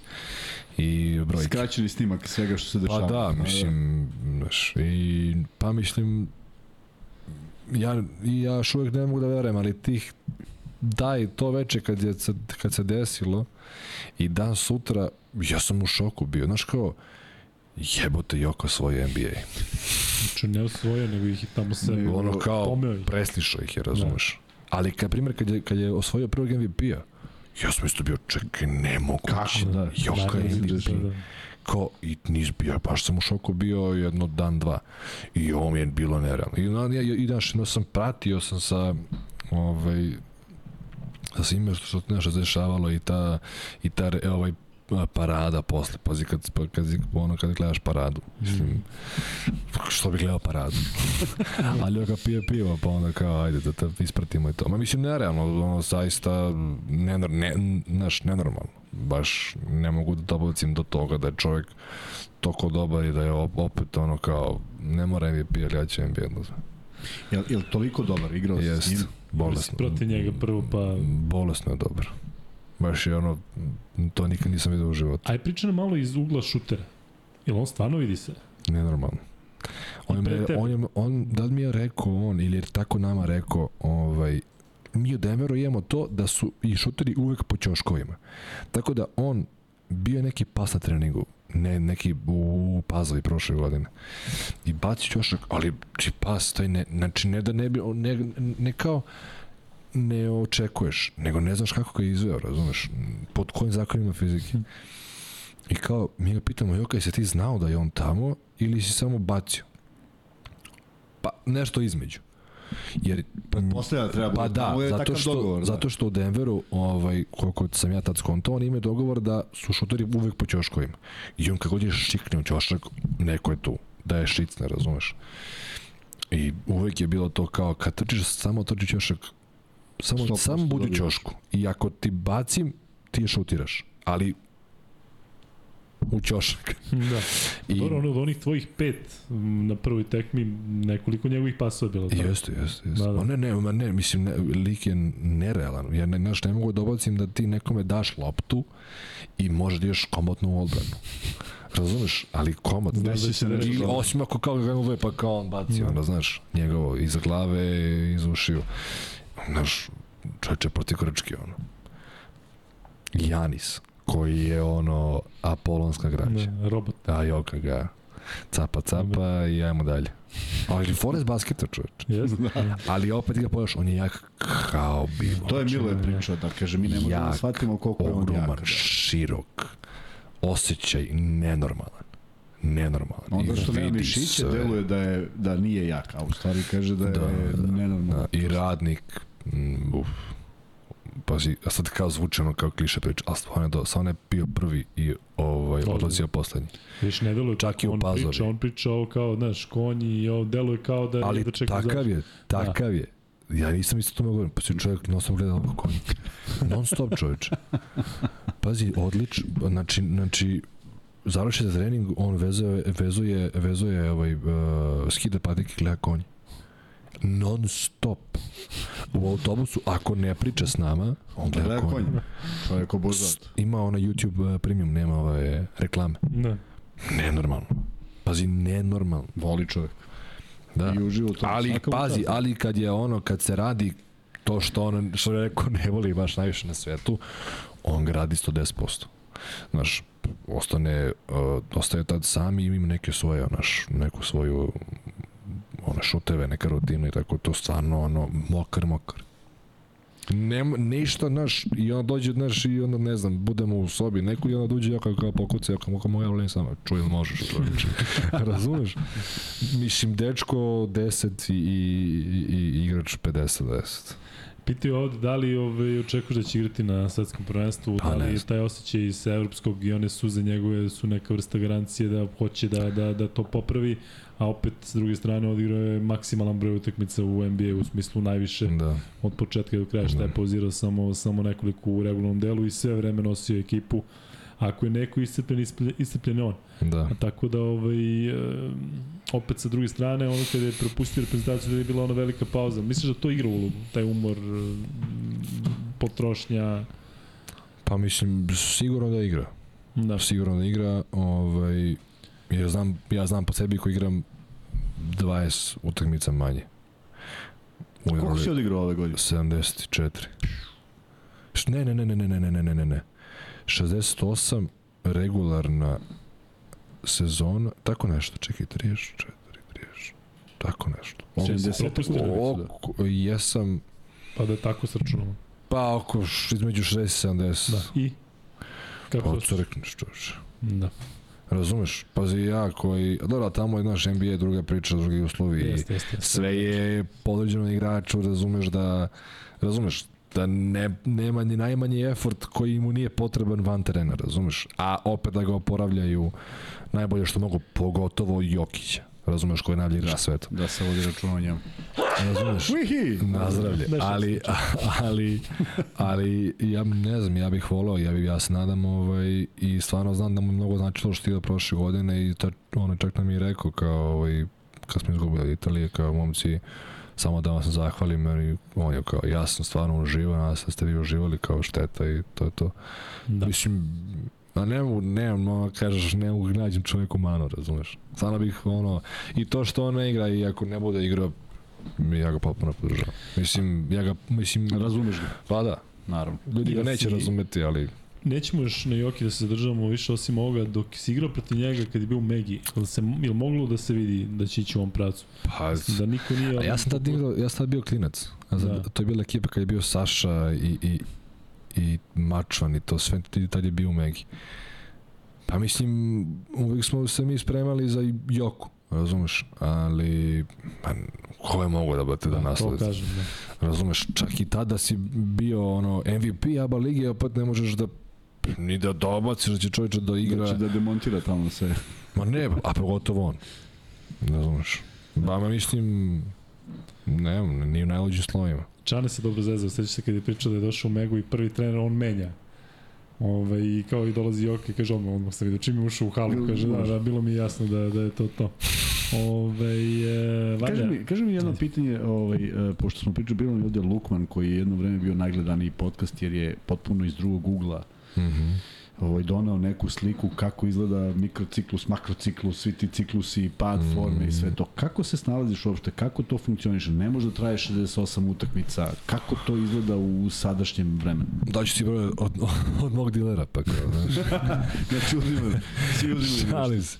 Ovaj, pa ne znam, uđeš u neku mašinu i mm, ako ne vodiš samo sebi računa, donji si, što bi rekli. Ali okej, ali vidi, nekad mi smo osjećali kad nam je potreban trening. Šta ti radiš kad je potreban trening, a nema treninga? Pa kakav trening, čovječ? To, to kažem. Kako, kako se vratiš u... Kao ako si u danu, pa ideš da to opet, pa mislim... Mi smo to izlačili kroz trening. Pa, Ja sam imao, ja sam imao jedan period u, u ove sezone u januaru nešto počelo smo nešto smo vezani gostovanja Granada, pa Berlin, pa Minhen, jo, brate, ja rekao, a ja odio nešto loše Granada, šutirao se kao majmun. Onda, onda Berlin, nešto dva, tri fala na startu, Minhen isto katastrofa. Sve- sve ono, gore znači, gore, a da. da, daš, još ono tek počela godina, rekao, je. I onda igrali smo uh, protiv uh, Partizana ovde. Meni to bilo ono, znaš, kao ma da dam nula čoveč. Meni je u glavi to jaja. Tako da ne znam, ono, sa te psihičke strane mislim da samo bitno da, da imaš neke te neke male koje za koje se uvatiš i onda cepaš dalje, razumeš? Čak i kad je loše. A možda bude, možda, znaš, jer ti realno nemaš vremena za trening. Ako imaš vremena za trening, to je super. Ali opet, Nema ga, i, da. opet i taj trening je mnogo smešan. Drugačiji Su- od onoga što se naviku. mnogo smešan da bi se ti na njemu kao vadio iz... ali znaš šta, primjer, evo ja sam ove, ove godine sam uveo sa nekim italijanom što je tamo radi kao player development coach 15 minuta samo pre trening, ali 15 minuta i to je nešto ono minimalno, šutić neka kao tehnika i ono Znači, moraš nešto sam da preduzmeš da bi, da bi izašao. pa mislim Nema drugačija. ili da si u glavi Novak Đoković a, nisi, a jedan a je jedan je Novak Đoković a Novak je jedini, razumeš tako da, znaš, moraš da ono, Da kombinuješ. da kombinuješ, da radiš, da dođeš malo ranije i da ostaneš samo malo kasnije, mnogo će ti značiti, razumeš? I, da, I pošto imaš mnogo broj utakmica, šta sad je bilo juče gotovo, brate? Sad ja igram opet sutra, Da, ne znači, ja ove nedelje igram još, jo- još tri puta. Pa Šta me briga šta je bilo u Minhenu jebote. Mislim, sad ja pričam ko, i meni je teško, razumiješ, ja isto nekak gledam tekmu šta je bilo u Minhenu, pa sam bio katastrofa, pa i u toj Granadi i u tom Berlinu, ali realno je da moraš uvek da... vremena da, da Pa da, uvek, uvek moraš da, znaš, da misliš o sledeće, jer Sledeće- baš je, baš je brz ritam i mnogo je bitno da, znaš, da dobijaš, ako hoćeš da nešto napraviš od kao timske sezone i a realno i individualno. E, ajde, kada pričaš i počeo si o toj sezoni u Baskoni, kada porediš onu prvu i sada ovu drugu, gde ste zaista jedno vreme bili najveći hit, e, Da. pa niste ušli u top 8. E, kako izgledalo to? Da, je li pritisak e, približno onakav kakav je bio Ma u kaki, Partizanu? ma Da, nikom da. ništa. A mislim, ima ga uvek, ali Naravno. nije... Mislim, ja kad sam došao u da. Valenciju, to je bilo fenomenalno. Ajde, sad- ti samo kažem nešto za Valenciju, pa se vratim na ovo. Počinje sezona u Valenciji, ja tek došao. E, počinjemo sa ono 0-5 ili 0-6.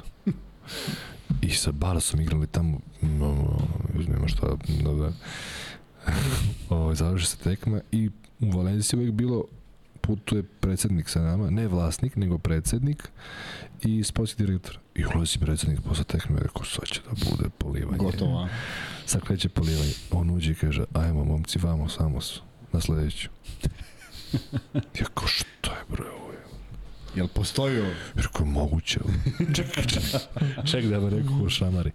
Ali, ne, ne, šta se ti, ovaj, šta se ti kažem za ovu Baskoniju, Baskonija je malo veći pritisak, nije, naravno, ni približno kao Zvezda i Partizan. Ovaj, I mislim da nikad neće ni biti. Ovaj, zbog tog mentaliteta. Možda što su normalni. Pa nije. Pa nije. Da, ako gleda, znaš, ti imaš ovdje čoveče armiju navijača. jeste. A, znači, koliko Svi hoćeš, žele ljudi. pobedu, da.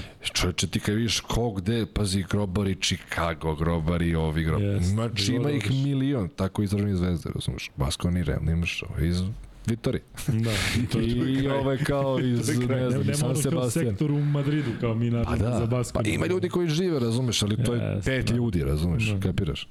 Ali kažem ti, nije, mala je onako kao veći pritisak jer je Baskonija taj ovaj tim koji uvek igra Euroligu, koji realno uvek ide u top 4, u top 4 ACB-a, koji uvek igra kup, koji uvek Koji je osvajao koji da. ligu, koji je Da, da. Final Four Eurolige, nije sad to Valencija, razumeš? Uzdužno pranje ovaj tog kluba. Tako da, malo je kao veći, veći pritisak, ali ništa uh, specijalno. Pogotovo mi kad smo ove godine igrali kao, ko bi očekivao da, od, od ovog tima da nešto igra sa imenima koji još niko, mislim, zna ih neko, zna, stvari znao nas Da. je neko, ali, pff, razumeš, Eksplodiralo je pola tima. Pa da, znaš, mi, mi, mi, mi smo kući dobijali sve. Mi smo do... Najbolja ekipa ste bili u jednom Da. trenutku, da, da. Ti odgovara, mislim, sigurno ti odgovara e, ta igra, Ma jako. šutira i to. to. Jesi to negdje imao takvu slobodu u smislu Ne, da... ne, ne, Da. ne. Ni u jednoj sezoni, Ni u jednoj kod sezoni. jednog trenera u Ne. Partizanu nešto. Samo cepe, Mm. pa ako uđe, uđe. Pa nije, uđe, nije samo cepaj, razumeš, ima tu, znaš, u, u primjer Đoanti je onaj tip trenera, ako imaš šut u prvoj sekundi napada, makar bila na ono, ako imaš, Ali da si otvoren. sam, diži, brate. I to svi. I- Nema niko u ekipi. A dobro, neće digni I- kocar, Da. razumeš, ili inak, ali, ali... Inom čujemo da hoće s pola. a? Hoće s Da, da, da. pola.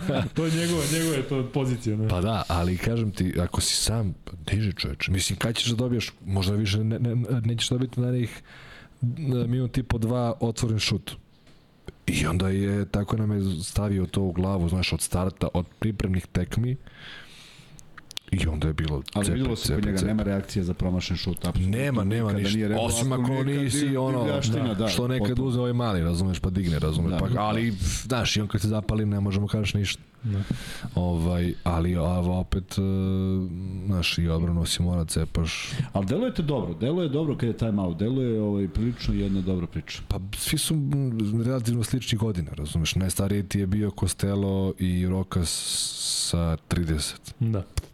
Da, nije Ostali smo svi Da. 27, 26, 28, 24, 25. Mis- Mislim, realno smo svi, Da Howard ispade najmlađi, ja?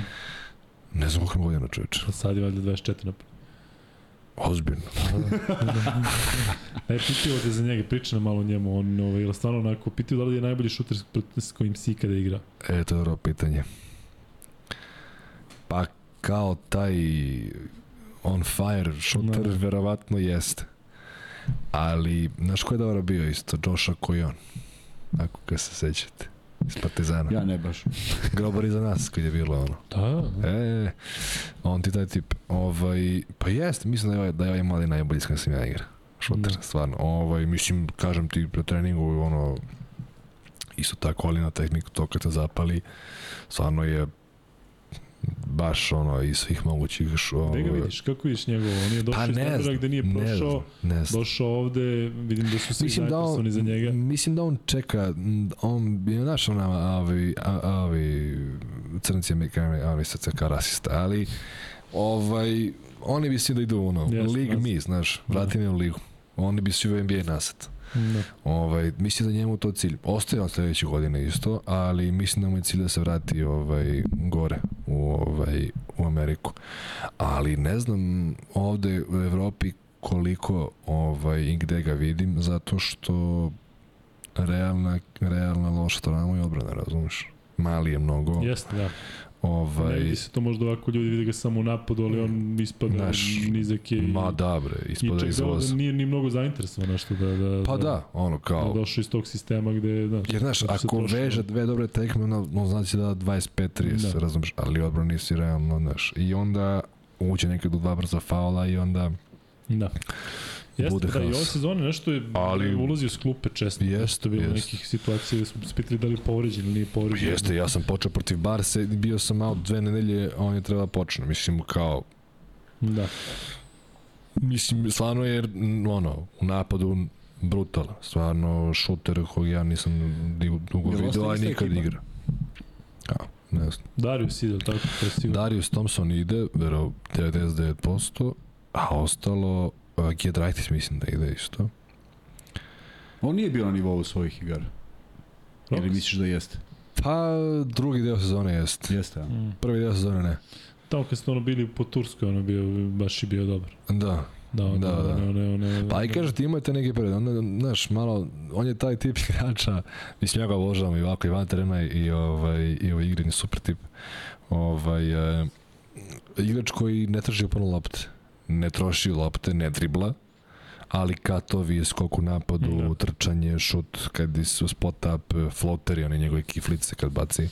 Stvarno su, stvarno je, u tome je super. I onda kad nema lopti, jer nije lik koji igra sa loptom, onda posle nervozan, razumeš? Tako da ima periode kad je bio neko nervozan, ima, ima periode kad je bio stvarno onaj, onaj super. Da. Da. Pa kad lopta ide, razumeš? Mislim, Darius je lik koji Znaš, kad ti Darius ima po, po, po ovoj tekmi ima 7 asistencija, pazi prvi play ekipa, ne možeš da ne igraš dobro čoveče. Da. Ni ti, ni kao pojedinac, ni kao ekipa. E, moram jednu digresiju, sad mi je palo na pamet. Da li se sećaš južnokoreanca sa U19 što je šutirao iz pozicija? šeco, šeco. Sećam se, sećam se. Znači, Luka, on istrči iz bloka, noge su ukrštene, kako god da stoje noge. On Jest. diže i ta lopta ulazi. Mi smo, mi smo bili Šeca, uopšte ne znaš, uopšte ne znaš kako da ga čuvaš. Kako god, na levo, na desno, od ozdo, spreda. Pa da, ali to je to još. A, Gde li igra? e, Šta, je- šta je s njim? Da? Ne, ne, nego je bilo tada u 19, mi smo Pa sastavili s Južnom Korejom. pa deo. Čovek nezaustavljiv, uopšte ne postoji odbrana na njih. On ti nego sad ono na fabrici, znaš, ono. To pravi Fast pravi, workeri. pravi, te- pravi telefon. Pa da. E, ali neverovatno čovek iz bilo kakvog izlaza, on daje trojku. Sad će da se javi neko i kaže, eno tamo radi u trafici. 100% neko zna gde je.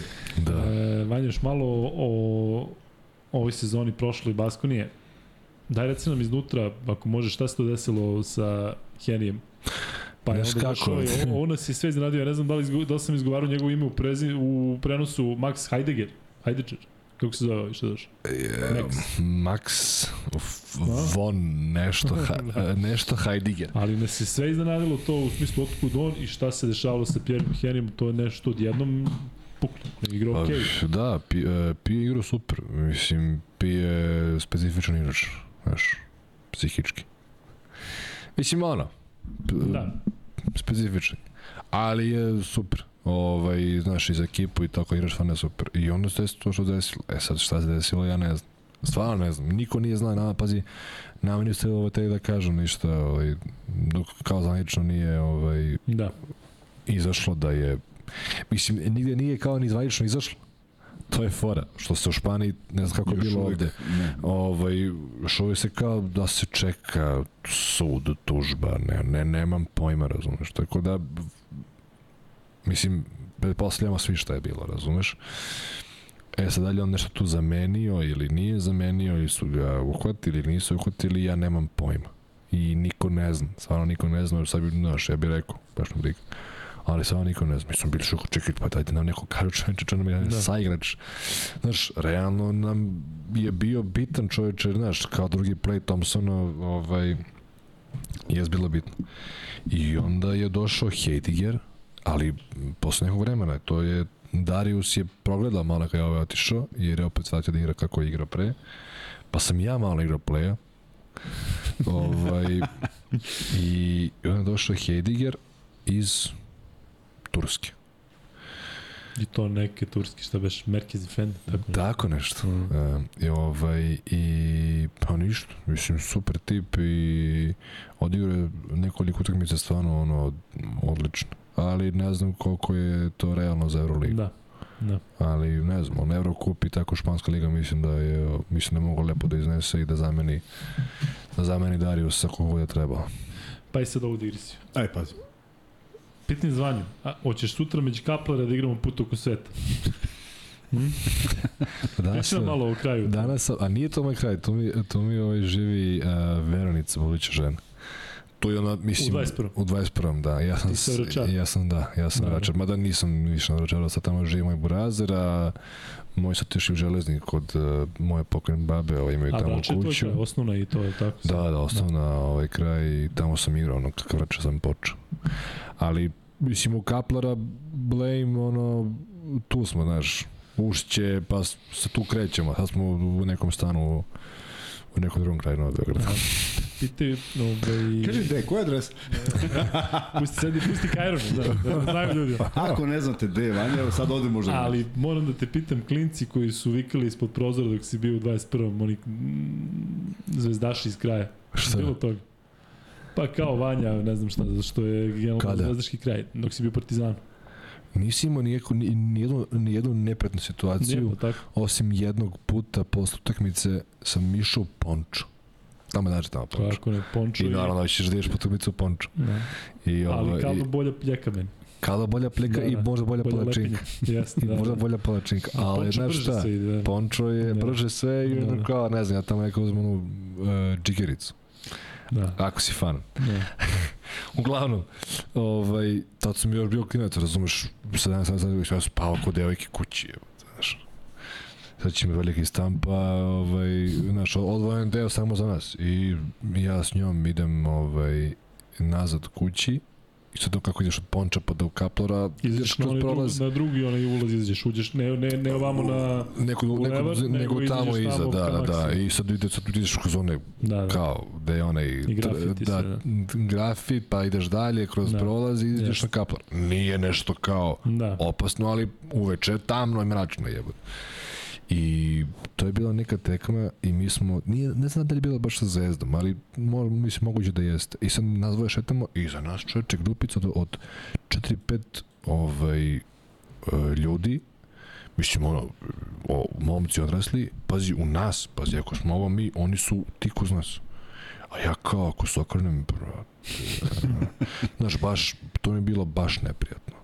Da. I čak su nas patili fazom do ulaza, ono, znaš, ali, ali, Da. mislim, ono, to je što je, šta ću. Jasno.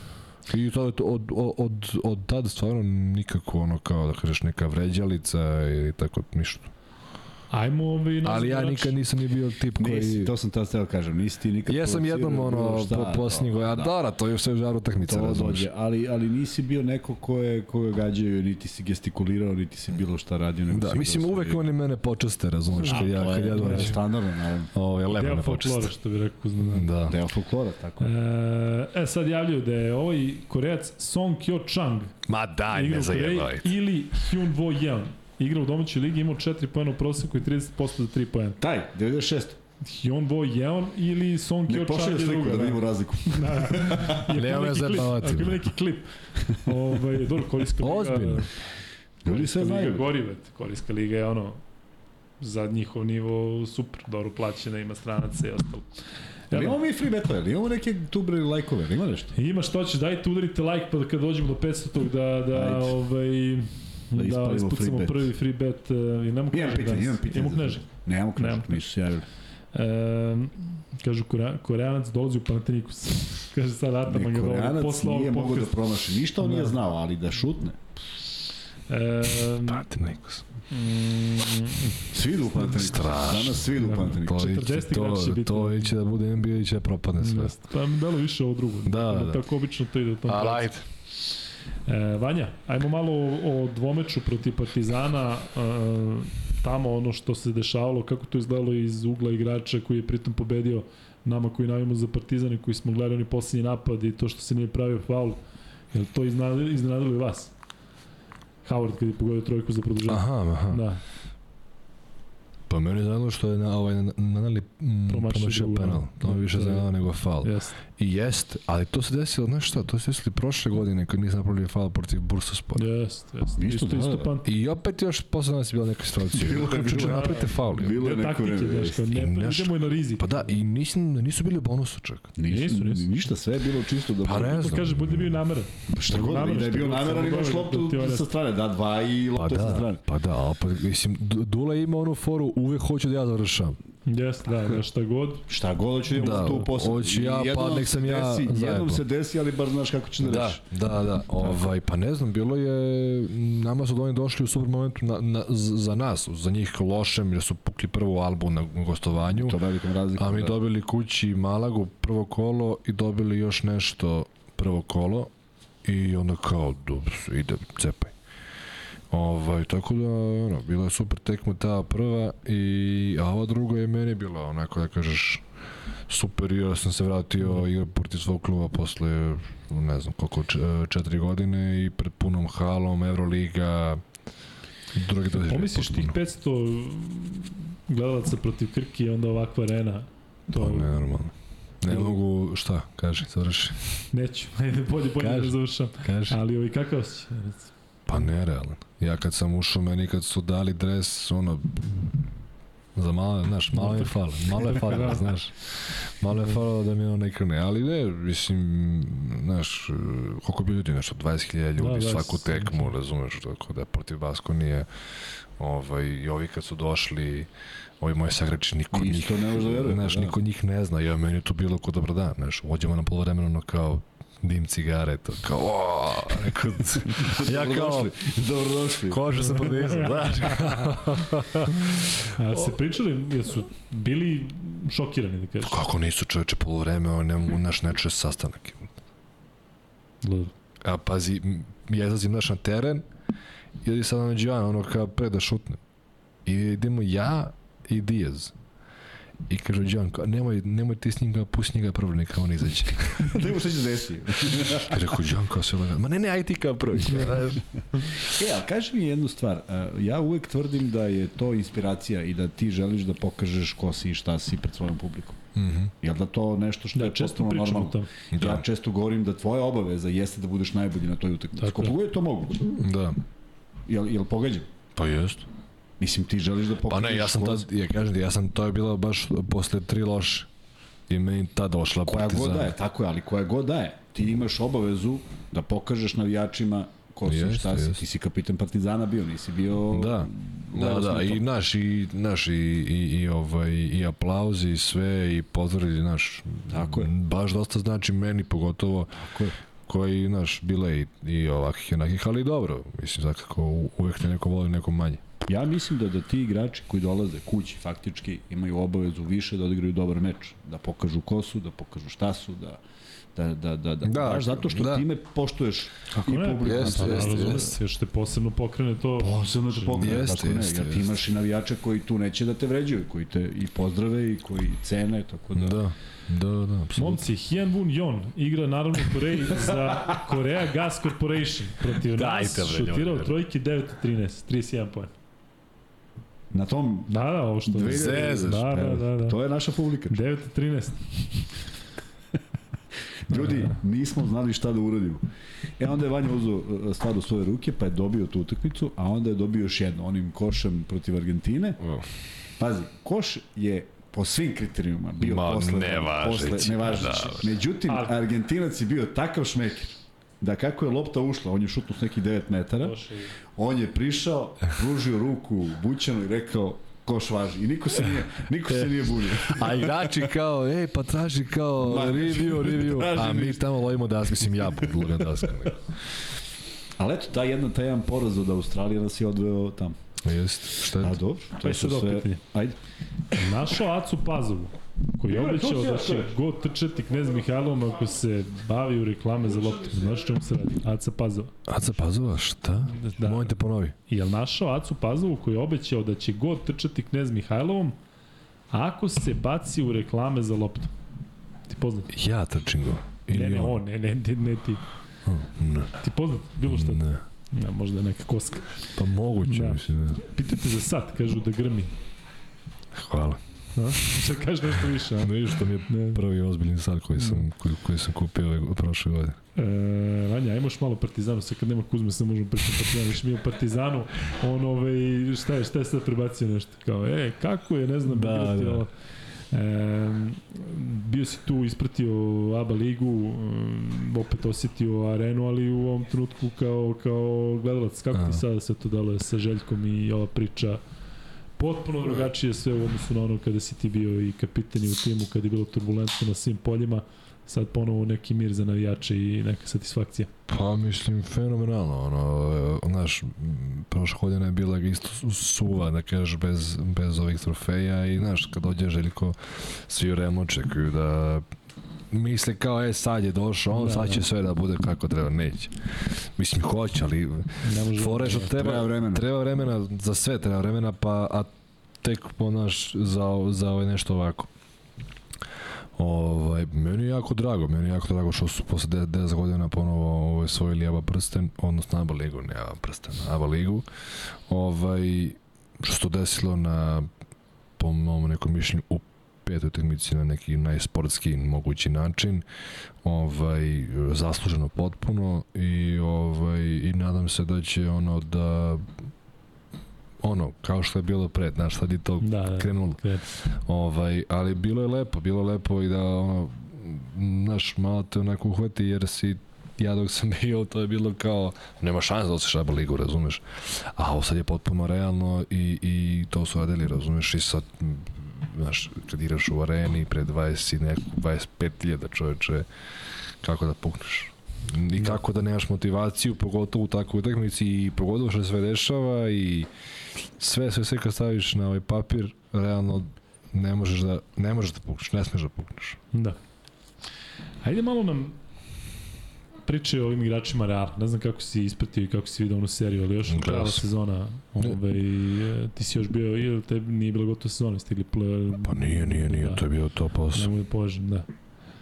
E, Si ih tukao jel imaš, imaš utisak da su, da su stvarno takvi? Jel si mogu da očekuješ da će na onaj način da pokušaju da... Pa ja mislim da je Jebu Seda stvarno tako.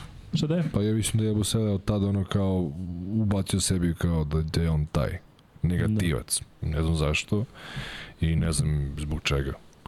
Ovaj, ali ne, ne mislim, mislim, ja čak šta više, ono, koliko sam puta igrao protiv tog Rudija i Ljulja i, i tako tu, znaš, ono, ja im se toku tekme, mislim, ono, normalni momci. Da. mislim, ali opet, e, na, znaš, Ljulj je prekaljen čoveče. Da. To što je radio, sigurno da je iz nekog razloga možda i hteo, razumeš, da, Da ima neku Znaš šta, to se, znaš, to se radi e, takve stvari, ja mislim da kao da promeniš samo ritam tekme. Kao, nema ništa više, to je nekako da zaknem čoveče. Jer to bih isto ja radio, znaš, kao naveran faul, pa evo ja sam digao, može se nešto desi. Ali vratno nije, mislim, sigurno Ne, nije, nije sigurno da nije se- htio da se da desi tuča, razumeš, i to tak, i to tuča. Ovo je dao bara egzuma na pod, da ga, da ga baca kao u ne znam šta čoveče. Razumeš, uvek nešto kada ne vidiš da ono više imaš bilo kakvih ovaj ono sve si karte bacio na sto aj sad nešto da uradim da ovaj Tako je izgledalo, ajde da probamo da nešto Pa da, promenimo. pa evo, mi smo, igrali, mi smo igrali protiv Badalone drugu tekmu, ne, ne možemo da dobijemo, nema šanse. I Heidegger ga zvekne, ovoga Kalgaja, zvekne ga, pazi namerno, ono kao bum. I on kaže, rekao, neka si. Ne kao da ga kao hrabrim, kao ti si, kao to je Da. pamet. Ne, rekao, neka si, ja kažem, neka si, maybe something will happen.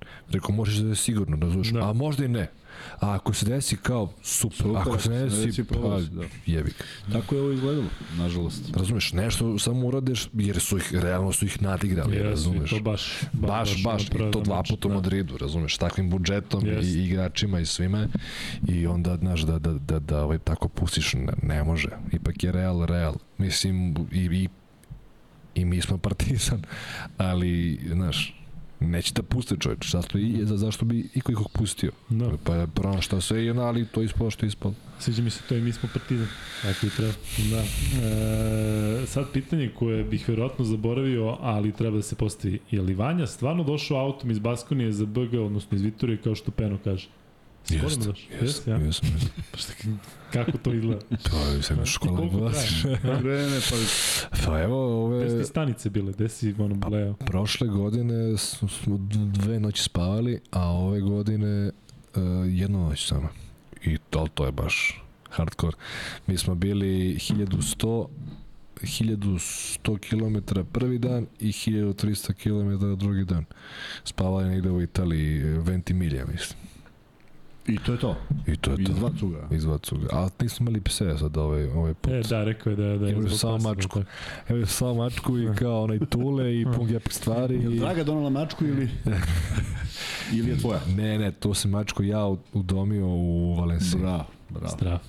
Bio sam te godine i, znaš, niko nije mogao doći zbog korone, rekao, daj mi nešto da idem u kući, čovječe. Neko živo biće, razumeš? U transporteru regularno se normalno se Ma da, ma da, ništa. Da. E, Vanja, da se zadržimo još malo na, na ovoj sezoni Partizana. E, jel e, na tih 2-0, računajući ono što se desilo, jesi ti imao osjećaj da može da se ide do kraja?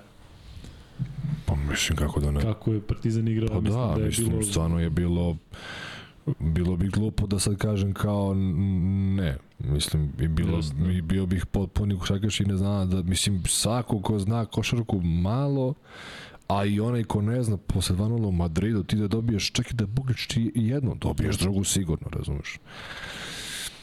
Ali mm, psihološka strana je bila na njihovoj strani, znaš, i psihološka prednost stvari je videla na ovoj njihovoj strani. I desno se to žeslo to, evo, to, to ovaj, pucanje u Beogradu, ovaj pucnjava, odnosno ubistva i ovaj i, i, i nije bilo navijanja, Da, sve je bilo nekako... Ovaj, onda se ovi vratili, Dek se vratio, Da, ali onda u petoj onih plus 16, 18, koliko pa je i bilo. to.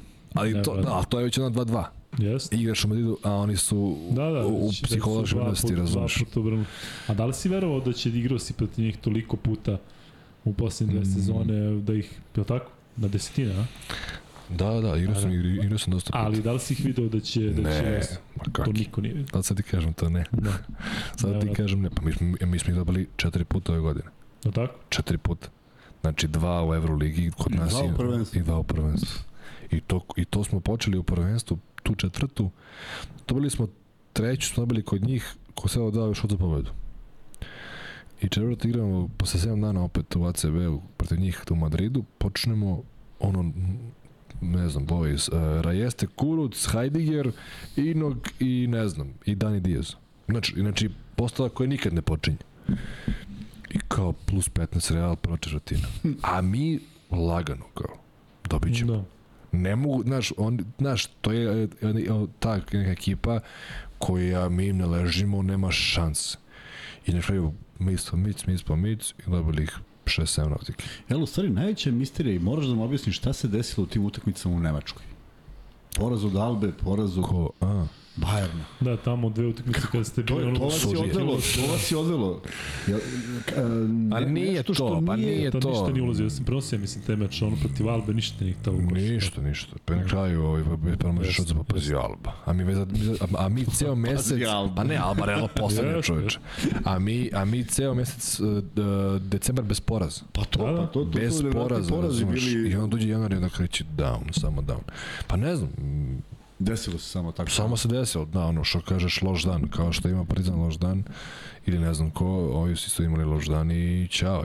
Da, svi su vezali neke poraze koji su bili neverovatni. Da. Pa evo ti i Efes i, i, Svi, i, svi, i, razumeš, i Madrid. i- Barca je ona bila stabilna celo, celo sezonu. Da, Da, ali, Olimpijakos- ali njih čekamo do play-offa, do Final Four. I onda da, ide, da. i onda ide haos. A Olimpijako čekaš da postigneš šuta finala. Ja. Znaš, strašno. Neverovatno. E, kad smo kod toga, ono što smo mi pričali pre podcasta, je li te iznenadio te odlazak Eskivičiusa iz Barcelone? Mi smo nekako to, o tome pričali ovde celo. Pa, ja sam dakle, to, da. e, Ta priča da će ostati ako osvoji ligu, očigledno da nije, nije Ne pije vodu. da, još Nije onako vodu. protiv, protiv e, Reala. Ubedljivo. Da, Pa ne znam, jeste, ja sam to vidio na Twitteru pre dva sata. da.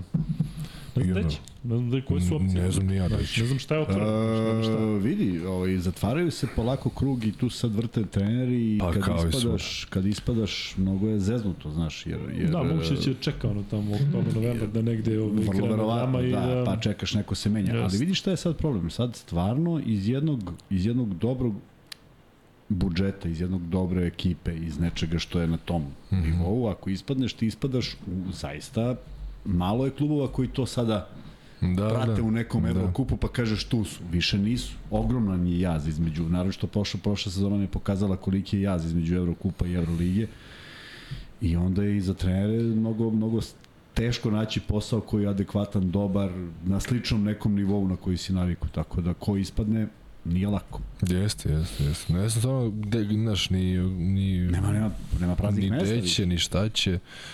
Ali opet nisam očekivao stvarno. I pošto to kažem, bila priča kako ne osvojiš ligu, ok, ideš. Mi smo ovde pričali da ako ne osvoji. Međutim, kad sam posle sagledao, znaš, ja koji, koji ne volim što unosim neku nervozu, tako mi deluje. Dakle, ja ne Mhm. mogu to da znam. Ali sam video šta je on uzeo od trofeja u tri godine. Pa čekaj, bre čoveče, dva puta je uzeo od tri uh, krug kralja i dva puta od tri prvenstva. Znači, nije to sad nešto što kažeš Pa pa je, zanemariš. pa da, ali- ali jesu projektovani za Euroligu. Da. I imaš 0 od 3. Pa ste ti kažem. Ja, ja mislim da je bilo njima svima lakše da nisu otišli na Final Four nego da odu tri puta. Da. da odu tri puta i da ne urade ništa. Pa da, mislim, znaš, tri Final Fora, m, Stvarno si najloši. Bunar i, Da. i, i kao osvojiš Padne- ligu. Dobro, padne da, za- osvojiš ligu, bitna je stvar, velika je stvar, ali realno si tu da bi svoju Euroligu. Posljednji put osvojila Barca ligu čuče 2011. Jest, jest. Pa si čekaju. E, a jedno pitanje za pa tebe koje smo, koje smo preskočili.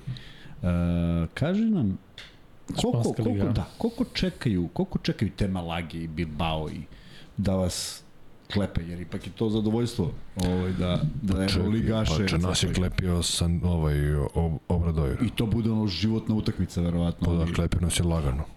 O, to je često pričamo ovdje. nismo Koji su osetili. izazovi, pa da. Pa mislim, sve te ekipe koje ne igraju Evropu i koje nisu top 4 ekipe kao što smo... To je motivacija To je da- motivacija, da. Mislim, i sada ti realno se protiv Malage se ne opustiš. Ali protiv Obradojera, brate, naravno, naravno da se opustiš. Pritom smo igrali one tamo u 12 termine, razumeš, u Obradojer, u Santiago. Po, ta, Ja to nikad nisam mogao smisliti. E, a znaš šta je tu fora bila? Mi smo odigrali to katastrofe. Ali katastrofe. Izgubili i dođe Penjero i kaže ajmo na ručak. A avion je uveče u 9. I mi sada na ručku. Pa tako isto i kod nas. Razumeš? Da. Kapiraš? I onda dođe kao sledeća i I dobiješ. idemo u sledeću, pa da. Pa, mislim, nije kao da je to zbog toga, ali ima mnogo toga. Mnogo je zbog Malo toga. opusti, pa jest. Javljaju ovdje da Šaras ide u NBA ligu, da menja Raković u Memphisu kao pomoćnik da radi sa bekovima, tako da 6 Važi. milja kažu da je ovde. Trst Milojko. Crni Grobar, to kad kaže Crni Grobar ima proverene informacije, baš ćemo vidjeti. E, pa, ajde da. E, Kaže Mihajlo Pupović. Da li je Mihajlo Pupović e, crni grobar? Šta misliš? Nije ima ovdje još tih koji Memphis povezuju, da. dobro. Crni Grobar je dao prvi Ne, ne znamo ko je crni grobar, Ne, pa Crni sad Grobar, da, da, Crni saznamo. Grobar zna sve, znači on kad kaže to bude, znaš. Um, Vanja, mi smo ovde tokom cele godine pričali o tome kako funkcioniše španska ACB liga. Da. I u smislu da se recimo ne gleda kroz prste velikanima, da se neki meči odlažu zbog njih, već da se igra, sećam se da je Real igrao. Da. E, kako to izgleda organizacijno? E, već dugo si tamo, Pa, e, u smislu zaista se stavlja ovaj, e, apsolutno akcent na ovo šta Euroliga je posebno, mi ovde radimo svoje i ne interesuje nas, nećemo da mešam, zato što je Real protiv Unikahje igrao u onom periodu kada je, kada je trebalo da igra s Partizanom, jeste mm -hmm. izvao neki tim klinci, Mhm. neki su bili juniori Jeste. i dobili su nešto 100, ne znam koliko. jeste, jeste. Ali ovaj, e, zaista se onako nema, čini mi se, ustupaka i da je sve onako striktno, ali deluje da je što se tiče organizacije to baš na najvišem nivou. Pa jeste, ja samo mislim da je mnogo, v, ima mnogo timova. I onda k, e, timovi koji igraju Euroligu, znaš, i mi imamo, koliko imamo čovječe, 18 imamo čovječe u ACB. Koliko ima ova ABA liga? Čet- 14. 14, da, razlika je, znaš ko je. Da, Ogromna razlika, tako je. Znaš kada, ali da, mislim, super je, ja znam, ono kada, 34 utakmice imaš u prvenstvu. ali imaš 27. 34 u prvenstvu i 34 imaš u Euroligi. 18-18. Da. Ja, ali ABA liga ima, ima 27. Da, 26 razumeš? utakmica 26. ima, 26 utakmica ABA Liga. 26, Ogromna razumeš. razlika. I hoću ti kažem da je fora u tome što uh, ja znam kad primjer kad gledam kad ig- igram u isto vreme kad igra uh, Partizan ili Zvezda ili tako neki naš ti, ono što me zanima razumeš Meke se devita i tako to. I ja kad uđem čuče na onaj uh, flash score da vidim ovaj standings pa to ja to ne znam ko, ko, je, ko, ko, je, ko je koji čovječ ovaj prvi ima uh, uh, 10 tekmi a drugi ima 7 tekmi odigranih razumeš a peti ima 12 tekmi odigranih Čoče, kako mislim Odlaže se. Kako, odlaže da. se, o, znaš, ovo igre u ponedeljak i tako to. Ste vi odložili neku utakmicu, nema Ne, šanse. nijedno. Pa to je to, tako je. To Kuzma priča sada sezoni, kaže tako bar da se zna. Da, to je, zna se šta je liga, kad zna ideš se kući. kad ideš kući, Da, zna se kad završava, si znaš se kad igraš. Pa da, jeste, samo, samo, jeste, samo što, samo što Španija ima drugi problem, to je, kažem ti, broj timova i uvek se čeka kada za playoff, da počne playoff ACB-a, da e, Barca i Real ako uđe na Final Four završe to. Iako neko ne igra s njima, razumeš. Neke dve ekipe mogu da igraju realno, pa da opet čekaju. Ali opet to je kao... Tu se napravi ustupak. Da, A kaži mi, Liga nije, vlasni, nije organizacija Lige ne, od privatna, Saveza, privatna liga. ali je Savez zadužen za, ima sve sudije, ingerencije, sve ostalo. Tako Ne. piše na Wikipediji. Pa moguće. Ja naš, nisam u to ulazio, ali privatna liga. Privatno jeste, to, to svi kažu, međutim, Nije federacija. su sudije od Saveza, Savez Pa da. piše Savez ima ingerencije nad ligom. Dakle, oni jesu nezavisni, ali su ipak struktu, po, po nekoj strukturi institucije za njih je Savez Da, da, da. Španije. Da, da, da. da. Pa mislim, a dobro, bre, Kuzma čoveč, pričamo o Španiji.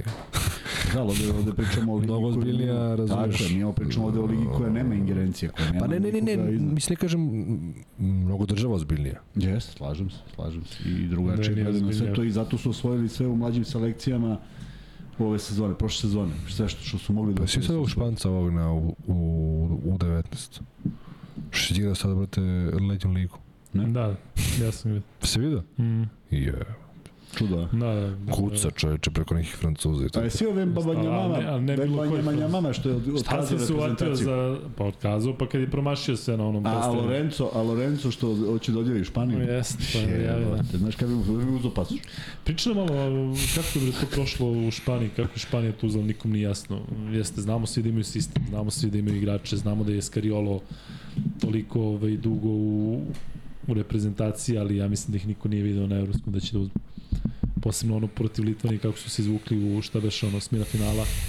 Um, Pa ne znam. Lorenzo Brown isto, onako smo svi to videli kao neki eks, polueksperiment.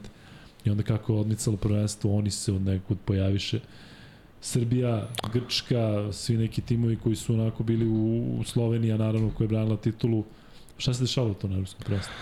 Pa, Ima li objašnjenja? pitaš za nas ili pitaš za Generalno, njih? Pa, za znaš kako, ja mislim da ta Španija je mnogo dobra jer čuva se od domaćih igrača. Znaš, svi Španci igraju u Španiji. Dvojice igraju van Španiji. Da. kapiraš?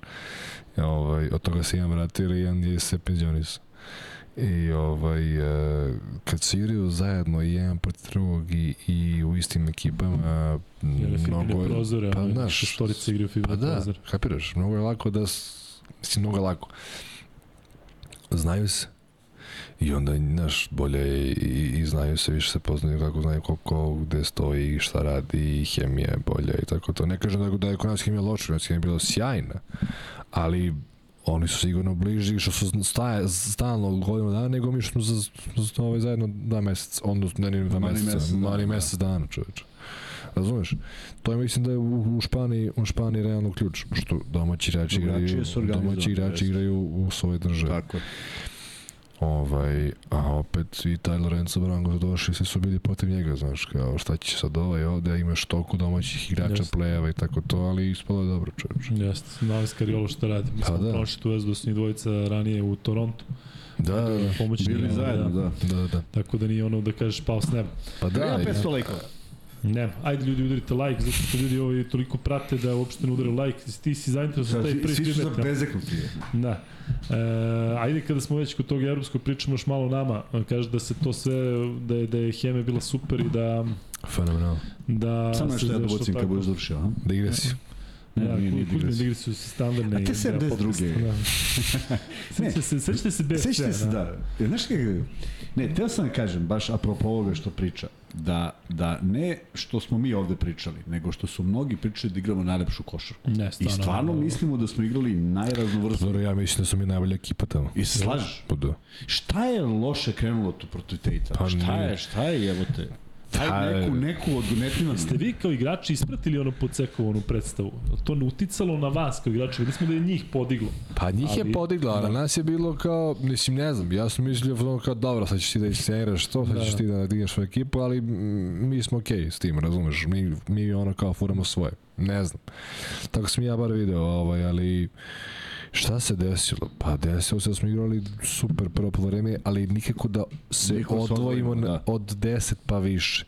Mi smo igrali ovaj 10 pa se ovaj spustili na 6, pa 10 pa 6 i tu su, znaš, da, da, je, da je bilo 20 odmah. Ćao. Ćao. Ali Znaš, i onda ide, počne spiso da ubacuje, koji ne ubacuje, inače, Nemoj da nas podsjećaš No. uopšte. Mi kad spomenemo te igrače, već nam nije dobro. ne razumeš, i onda... Polonara, Spisu. Ja sam prenosio taj meč na sport klubu i sećam A se ti da sam... si? Da Pa sam mi je da, jasno. I sećam da sam pitam kao što ćutiš? Rekao, pa šta da kažem? bre? Šta da kažem kad oni da trojku i kad Polonara da trojku? Kako to da, da, da ovaj, znaš, ne, ost- ostaneš bukvalno ovaj... Šok, bili, da. pazi, ja nisam Jeste. nikada veličao nešto što što mi se nije dopadalo, nisam u fazonu da, da branim nešto, ali tada smo izgledali toliko dobro, sa svih pozicija. Jeste, jeste, nema greške. Sa svim nekim anomalijama koje su dešavale, ti si bio jedno vreme na playu, Guduro je bio jedno vreme na playu, dakle sve to što, Jeste. što nije uobičajeno je izgledalo fenomenalno. Šteta, baš Šteta, šteta, Baš manje šteta, da, da. Ali dobro, Imamo ko zna, priliku da popravimo sada. zašto je to dobro. Tako. Kako ste nasetovani, kako si nasetovan sada za ovo što ide?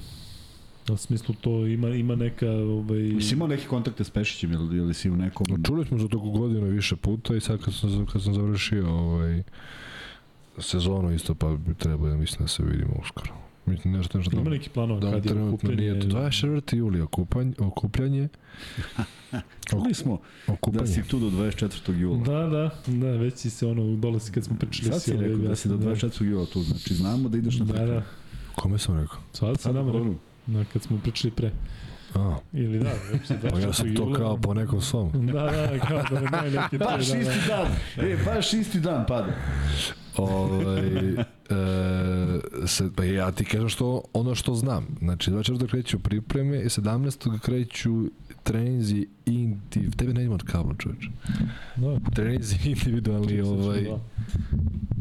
Ne nemoj da odvališ to, čovječ. Neka, neka, evo ovako. lomili mikrofon. Evo ovako, da, okej. sad je ono, da. Ovaj, 24. e, 17. kreću treninzi in- individualni e, u male areni, mislim. I sad posle ne znam koji je plan. Em, Ali kao zvanično 24. okupljanje. mm, Da. Kad je, 22. je prvenstvo. Mesec dana. 25. 25. 10. 25. Znači Da. mesec dana. Ne znam. Jel, ti, jel te radi neko što taj deo sveta, to Manila, tamo vamo, ali imaš neki osjećaj prema tome kao super što smo malo odvojeni, izdvojeni, pa nemamo... Pa ja bih volao nešto bliže dođem, možemo da gleda, brate. da dođe neko Ne naš. baš toliko. Da, da.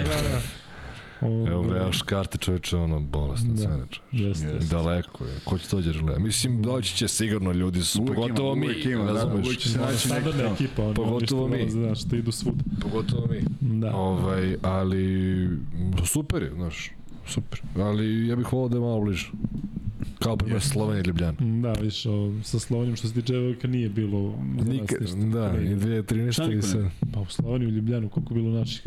Oliko. Za žensko? Pa, A da. dobro, za žensko, da. Jeste. Nažalost. E, kaže, čujete li u studiju Vanje vibra telefon zove Jana Kopulus? ono da, svi, svi, svi ovaj, Panatrikus, Svi svi su Panatrikus. E, još malo ćemo se vratiti samo na Baskoniju, dakle rekao si da svi ostajete osim što Thompson e, Pa za njega, pa ne znam, nisu, ne znam, 100, 100, 100%, Ja ali... volio recimo da ga vidiš u Partizanu, bi pre, preporučio Volio da njega. vidimo u Baskoni. da, naravno. Ali A, jel pa misliš da. da igrač za, za, za takav sistem? jeste. Da, kakav je lik? U smislu, E, poslušan ekstremno, ekstremno ovaj, posvećen, normalan, nije klasičan. nekarakterističan Amerikanca. Da. E, pa žena mu iz, iz Italije. Pomiš da na nju ovaj... Pa malo je povuklo to, Da, da. znaš. I ovaj i mislim stvarno dečko na ovom mestu. Jako onako miran povučen. A šta kažeš, ne ostaje? Pa, Ne, svi ga nešto vezuju za... za zavezuju ga za Milano, za Fenerbahče, ne znam. Jeste. E, ajde sada možemo da krenemo na vaše pitanja. E, prvo pitajte za Kalinu kao sagrač.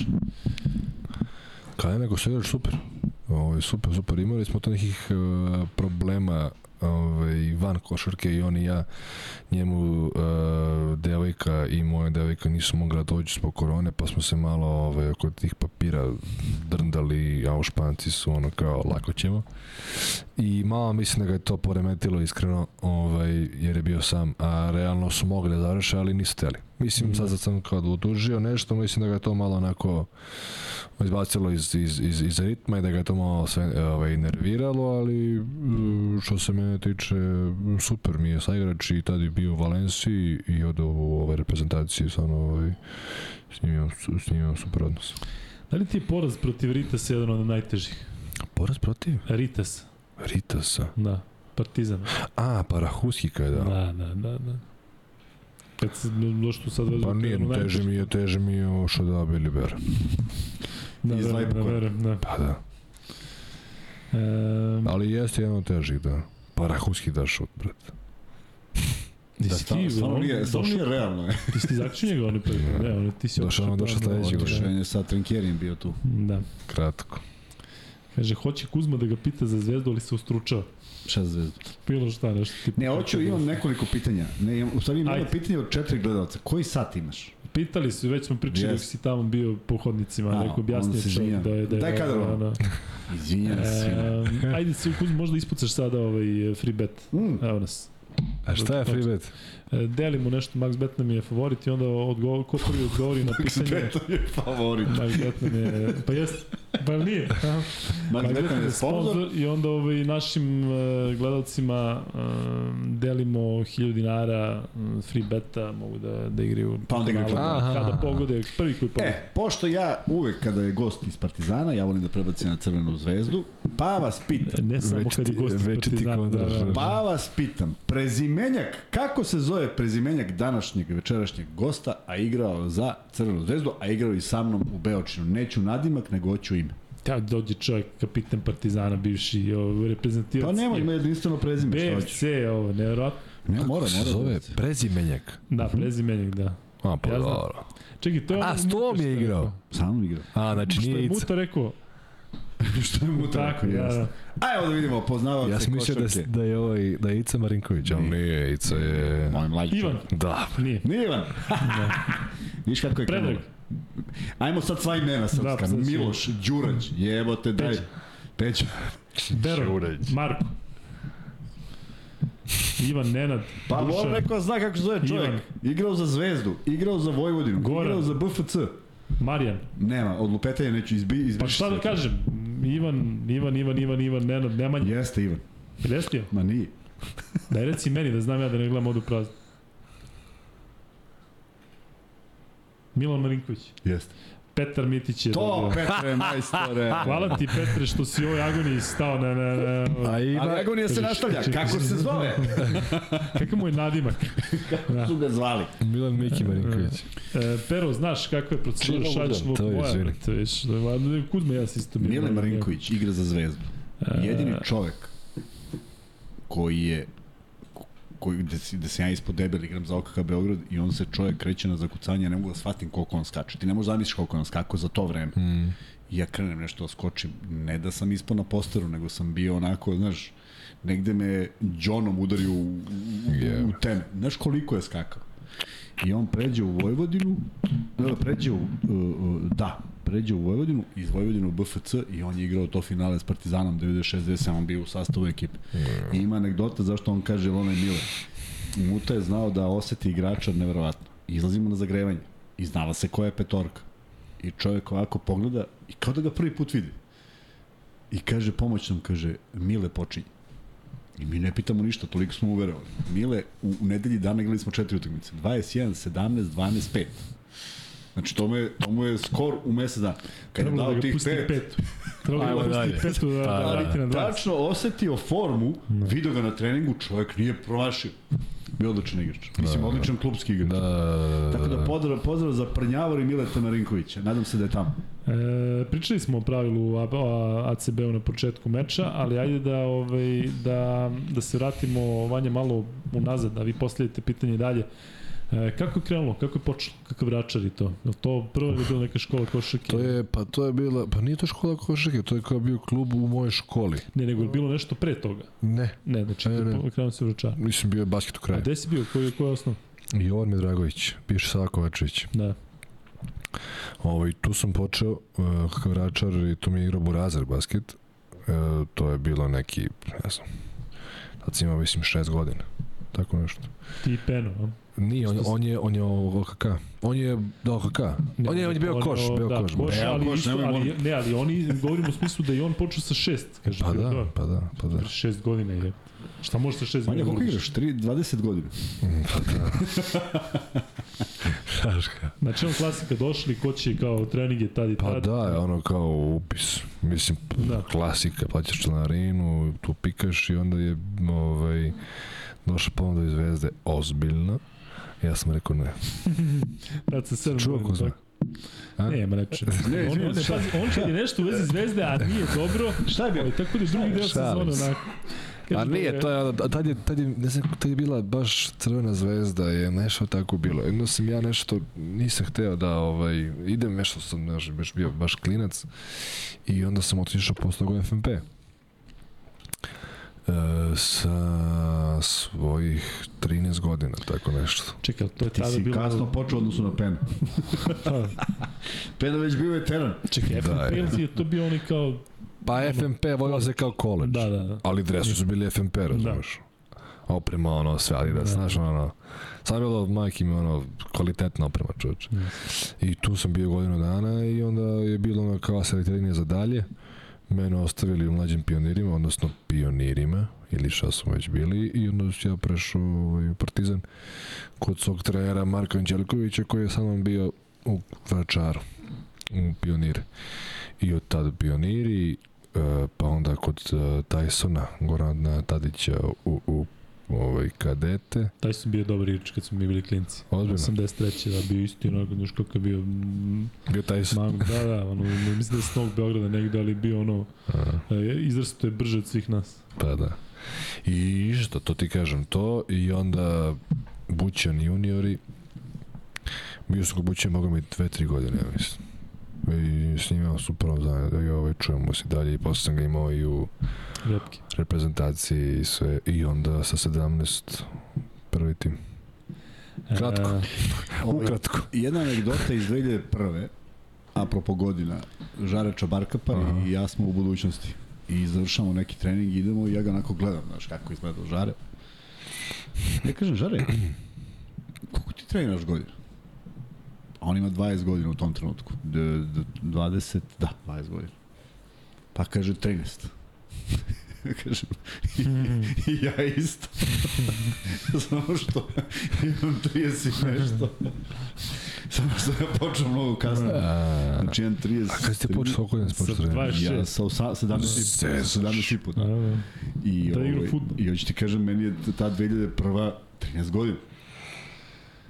A Žare i ja, a on mlađi 10 godina od mene, igrali smo isti, isti broj godina do tada.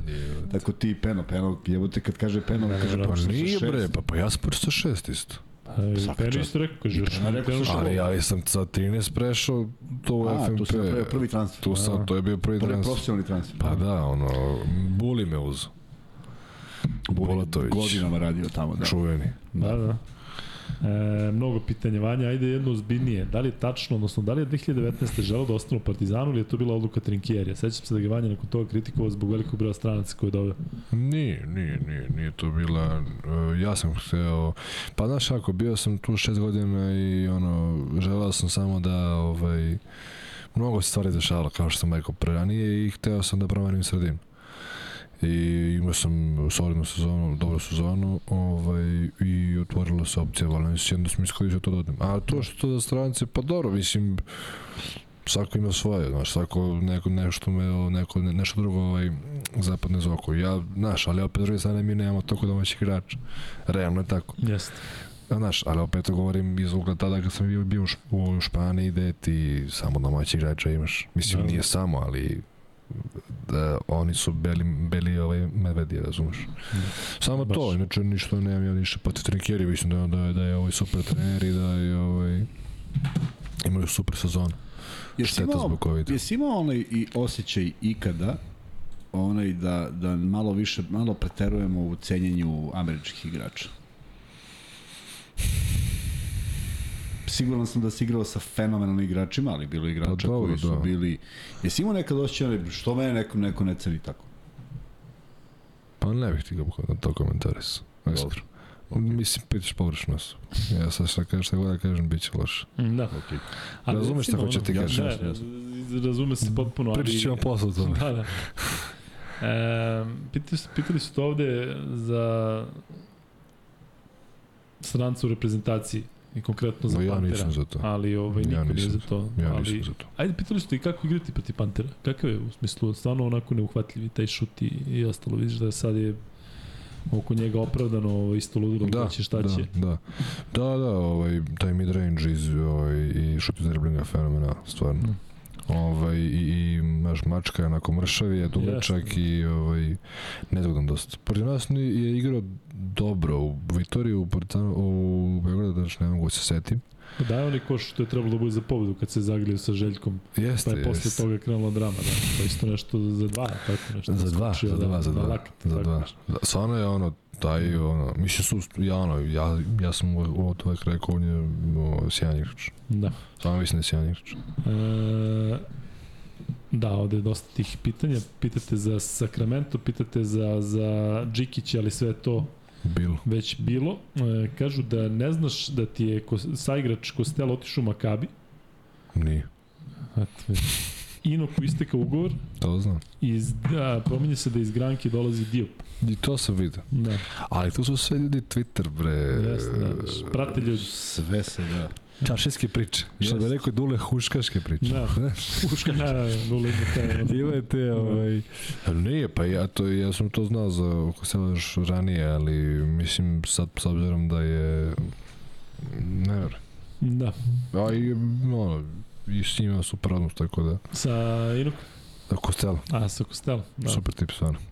Da, delo kao, kao dobro, kad dano izjave, delo da je prilično duhovita, a? Da jeste, da. Mislim, ono, znaš, Michigan i tako Da, da, da, znaš, da. ali, ono, E, on ima neko državljanstvo, neko bre, da mu neki obraslo. Obola Slonovač. Tako? Da. ali neće da igra sada sve skupo Hoćemo da, prvenstvo. hoćemo da kažemo ovaj, ekskluzivnu vest gde je Obla Slonovača održava pripreme. A, znam ja, Ne, u Beogradu i Sarajevu. Pa Stvarno, mi smo čuli dolazi na Zlatibor.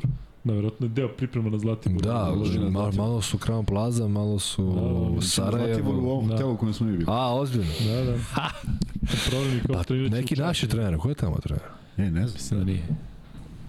Bio je vlada. Ne, ne, ne, neki bosanac je trener. Jeste, jeste, jeste, da. Ali Ba, to pa neki, da, znaš što. Da, ako je, pa zato i Sarajevo, Zato su- Balkan i ludilo. E, pa i sad, imam manje za tebe prvo pitanje odavde, pa onda jedno, jedno potpuno opišteno i onda jedno malo teže koje mi ovde često pokušamo malo da, da, da nešto na tom polju poradimo, pa ćemo razgovarati o tome. Ali pitajte Vanju da li dalje gleda državni posao, ozbiljan je fan bio, možda i dalje. U, A? i dalje. I dalje? Do, do koske. Ba, ali ja sam baš bolesno odbiljni fan. Ne znam da li ovi neko od vas prati, ali ja sam Kako baš... ne, jedno vreme je bilo podcasta. Ne, ne, ja sam... konstant. Ali ja sam Serija za serijom. Kako se završi? ja sam taj nivo ono kao da kažeš opsednutosti da ja ono pustim i po kući mi samo to ide. Kad, ono kad sam sam kući idem samo to mi ide po TV. Ono odem da slušam pustim to. čuješ ga u Da, pozadini. bitno da je tu, tako? Pa da, i sad, na naš, naš ne znam koliko puta se desilo da me, da me, da me zove Borazar i koja je, koja je epizoda, ja kažem, 546. Taj, taj, taj minut. Ja mislim da. Bolesno. E, Vanja, pitali smo i Stefana kad je bio e, malo da voli bi da se ne zaboravi Steva Jelovac. Uh -huh. e, jeste se zakačili? Ja sam ga zakačio. Da. Malo u reprezentaciji, na, na, na onim prozorima, ma, mislim da. dečko 10 od 10 je bio stvarno fenomenalan. Ovaj, a ja sam s njim bio malo, 7-8 dana. da. Ali Steva je ovaj, bio stvarno uvek pozitiva, uvek... On tu bio e, najstariji. Jeste, jeste, da. jeste. Uvijek je stavljao neki šal na stranu je furo i tako to. Da, da, da. Uvijek je volao da se tako lepo obuče, ali stvarno Steva je bio momčina i baš tuga. Man. Da. Imali smo ovde neki ovaj, apel, imali smo neku ideju, neku akciju da se neka dvorana nazove po njemu, pa... Ovaj, Pa se zove neka dvorana po njemu Pa zove već? se ona u, U Ajku. Solunu. U Solunu. Da. A, a, a, od, ovaj, ne od Ajka, nego od, od Aris. Od, Ne, njegova, da da je Ajk. Da, da. ne bre, Ajk je... Ajk igra u Aki, čoveče.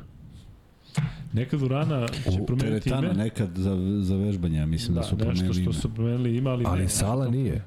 Ne, ne sala. Ne sala. Sigurno da nije sada. Siguran sam U da nije Grčkoj Sala. ni jedna. Deo, ne, ne, deo nečega će promeniti. Nije sala, sala. Ne? Pa šta, pa šta, ali moglo bi kod nas da bude nešto zaista. Pa ja ne znam da je igrao kod nas. Pa oni bi trebalo bi nešto u Novom Sadu, zato što Novog Sada, Da. da. ali je, je po Beogradu isto, da bio u Megi, da je bio tamo, da bio vamo, ali čak Jeste. i možda nešto random. Jeste, jeste. Pa mislim da je bilo da. se redi, da se bar na taj način ovaj prisjeti. Mm. E, Vanja, ili imaš omiljenu akciju za, za koja se igra za tebe? Pa, imao sam, ja znam, pametim jednu akciju od, od Duleta još. Dva dole. I majica dva. Ako neko ovaj, zna, možda od tih sad što vas prati i sad pošto nas skautiraju i to Da. sve. Majica 2 je kao postavka rogova. S obzirom da je uh, jedan o, bek je umesto jednog centra. Odnosno umesto četvorke. Baci play pa, pas na pet. U tom momentu bek koji je kao ovaj, visoki utrčao u reket ide oko, ide oko četvorke koji je u ćošku i onda ide uručenje. Sad, mislim, milion opcija stvarno može. Da. Iz toga. Majica 2 je, ovaj, to je Dule tako zvao. Tako su zvali mi kod Duleta. Majica 2 i 2 dva dole. Pa dole neki kao backdoor, pa je onda handoff. Ali Majica 2 je meni baš ostalo... Ono, Jesu mi- postale univerzalnije sad akcije? Zbog Pa igrača jesu. koji pričaju, ali tako? Sad imate manje više svi... Pa svi meni više iste akcije. Jeste. Tada je bilo iste. malo drugačije. E sad ne znam, možda meriš Željka i nekog drugog, znaš, možda je me ipak je Željko. Da. Ali Ali manje nazivi više... budu Pa da, pa mislim kao promeni se naziv, ali vidiš posle prvog ono, ne znam. Šta je u da, pitanju, Da, da, da. Mi nismo koristili te izraze u to vreme, prosto ih nije bilo i onda nam je nekad i bilo lakše jer nije bilo ni stranih igrača, nisi imao ni jedan razlog da je zoveš drugačije Mm. i drugo kad je zoveš na srpskom stvarno neko teško da razume šta se, šta se igra, ako ćeš da je promeniš u hodu Da. moraju da, da imaju sluha šta si promenio, tako da, Da. da je bilo tu dosta interesantno, ali što kažeš sada je to i zbog američkih igrača i sve nekako uniformisanije ali i dalje ima dobrih akcija koje ovaj, stvarno lepo izgledaju i vidiš tačno šta je ideja Apsolutno, i vidiš tačno apsolutno. kako se to nešto u, u nekoj minijaturi napravi i mnogo volim kada ima ovih trenera koji aute jako dobro realizuju mm. i posete se tome I ono, after time out, to je igra. Tako je, šta, kako ćeš da radiš i znaš, meni, meni ostaje to stvarno u sećanju uh, kako smo mi, zašto smo mi došli do tog finala 96. Zašto je Muto uvijek imao taj plan A i plan B. Mm Mhm. -hmm. Mi smo imali tih, tih ne milion, ali tačno znamo šta kad radimo i to kad dođe prekid igre, nemaš pojma šta te jeste, čeka, jeste. tako da su to bili ovaj, fantastične stvari. Trick place, one Jeste, popularne, To pa da. mnogo zavisi od trenera. To kad neko kaže ja mogu da vodim ovu ekipu. Ne možeš da vodiš ovu ekipu. Da. Ne možeš ti ja budeš, ja ne volim to ni podaštavanje, može svako. Ne može, mora da imaš da. tačno kad, šta i kako. Da baš u tim momentima, jer ja sam obožavao da igram sa Topićem. Obožavao sam da igram s njim iz jednog vrlo prostog razloga. Uh, uvijek sam se prijavljivao da izvedem aut. Pa ja bih volio da šutnem na koš, ali ja znam da on mene gleda kad idem po loptu. I ja znam da ne moram da prozivam akciju i znam da ne mora ništa iz toga da Ne, iđe. pa to je to, samo da, da mu da. dodaš i da... E, to su bile Da, neke da. zaista Da, da, da. fantastične stvari ovaj, u kojima smo uživali. Jeste, jeste, jeste. Pa verujem, verujem, verujem. Mislim, znaš, kad tako imaš neke kojima već znaš i šta sve, mnogo lakše igrati. Veruj mi, šest godina smo igrali zajedno, onda smo došli 2014. igramo Evropsko prvenstvo. Veterani. Možda misliš, mislim. I sad onako napaljeni i shvatiš da te gleda i dalje i shvatiš da ćeš ponovo dati još jedan takav lak koš da, koji si uvijek Da, dao. da, Mislim, to je to. To je draž. Jest. E, Vanja, a zašto devetka? Ne, znam, e, to sam baš pričao juče sa nekom, ovaj, sa nekim našim prijateljem. Ovaj, e, pa ne znam, 9. januar sam rođen, ovaj, 9 je neki moj srećan broj. Mnogo, Bio mnogo nekih, Baskoni, ja? mnogo, molim? Bio u Baskoni. Jeste, jeste, jeste. Mnogo nekih prijatnih stvari vezano za broj 9. Borazin je rođen isto na ovaj 9. Strava. januara, tako da... E, zašto da pitaju za Gajdobro, je to neka koska, a? To je državni posao. Aha, dobro.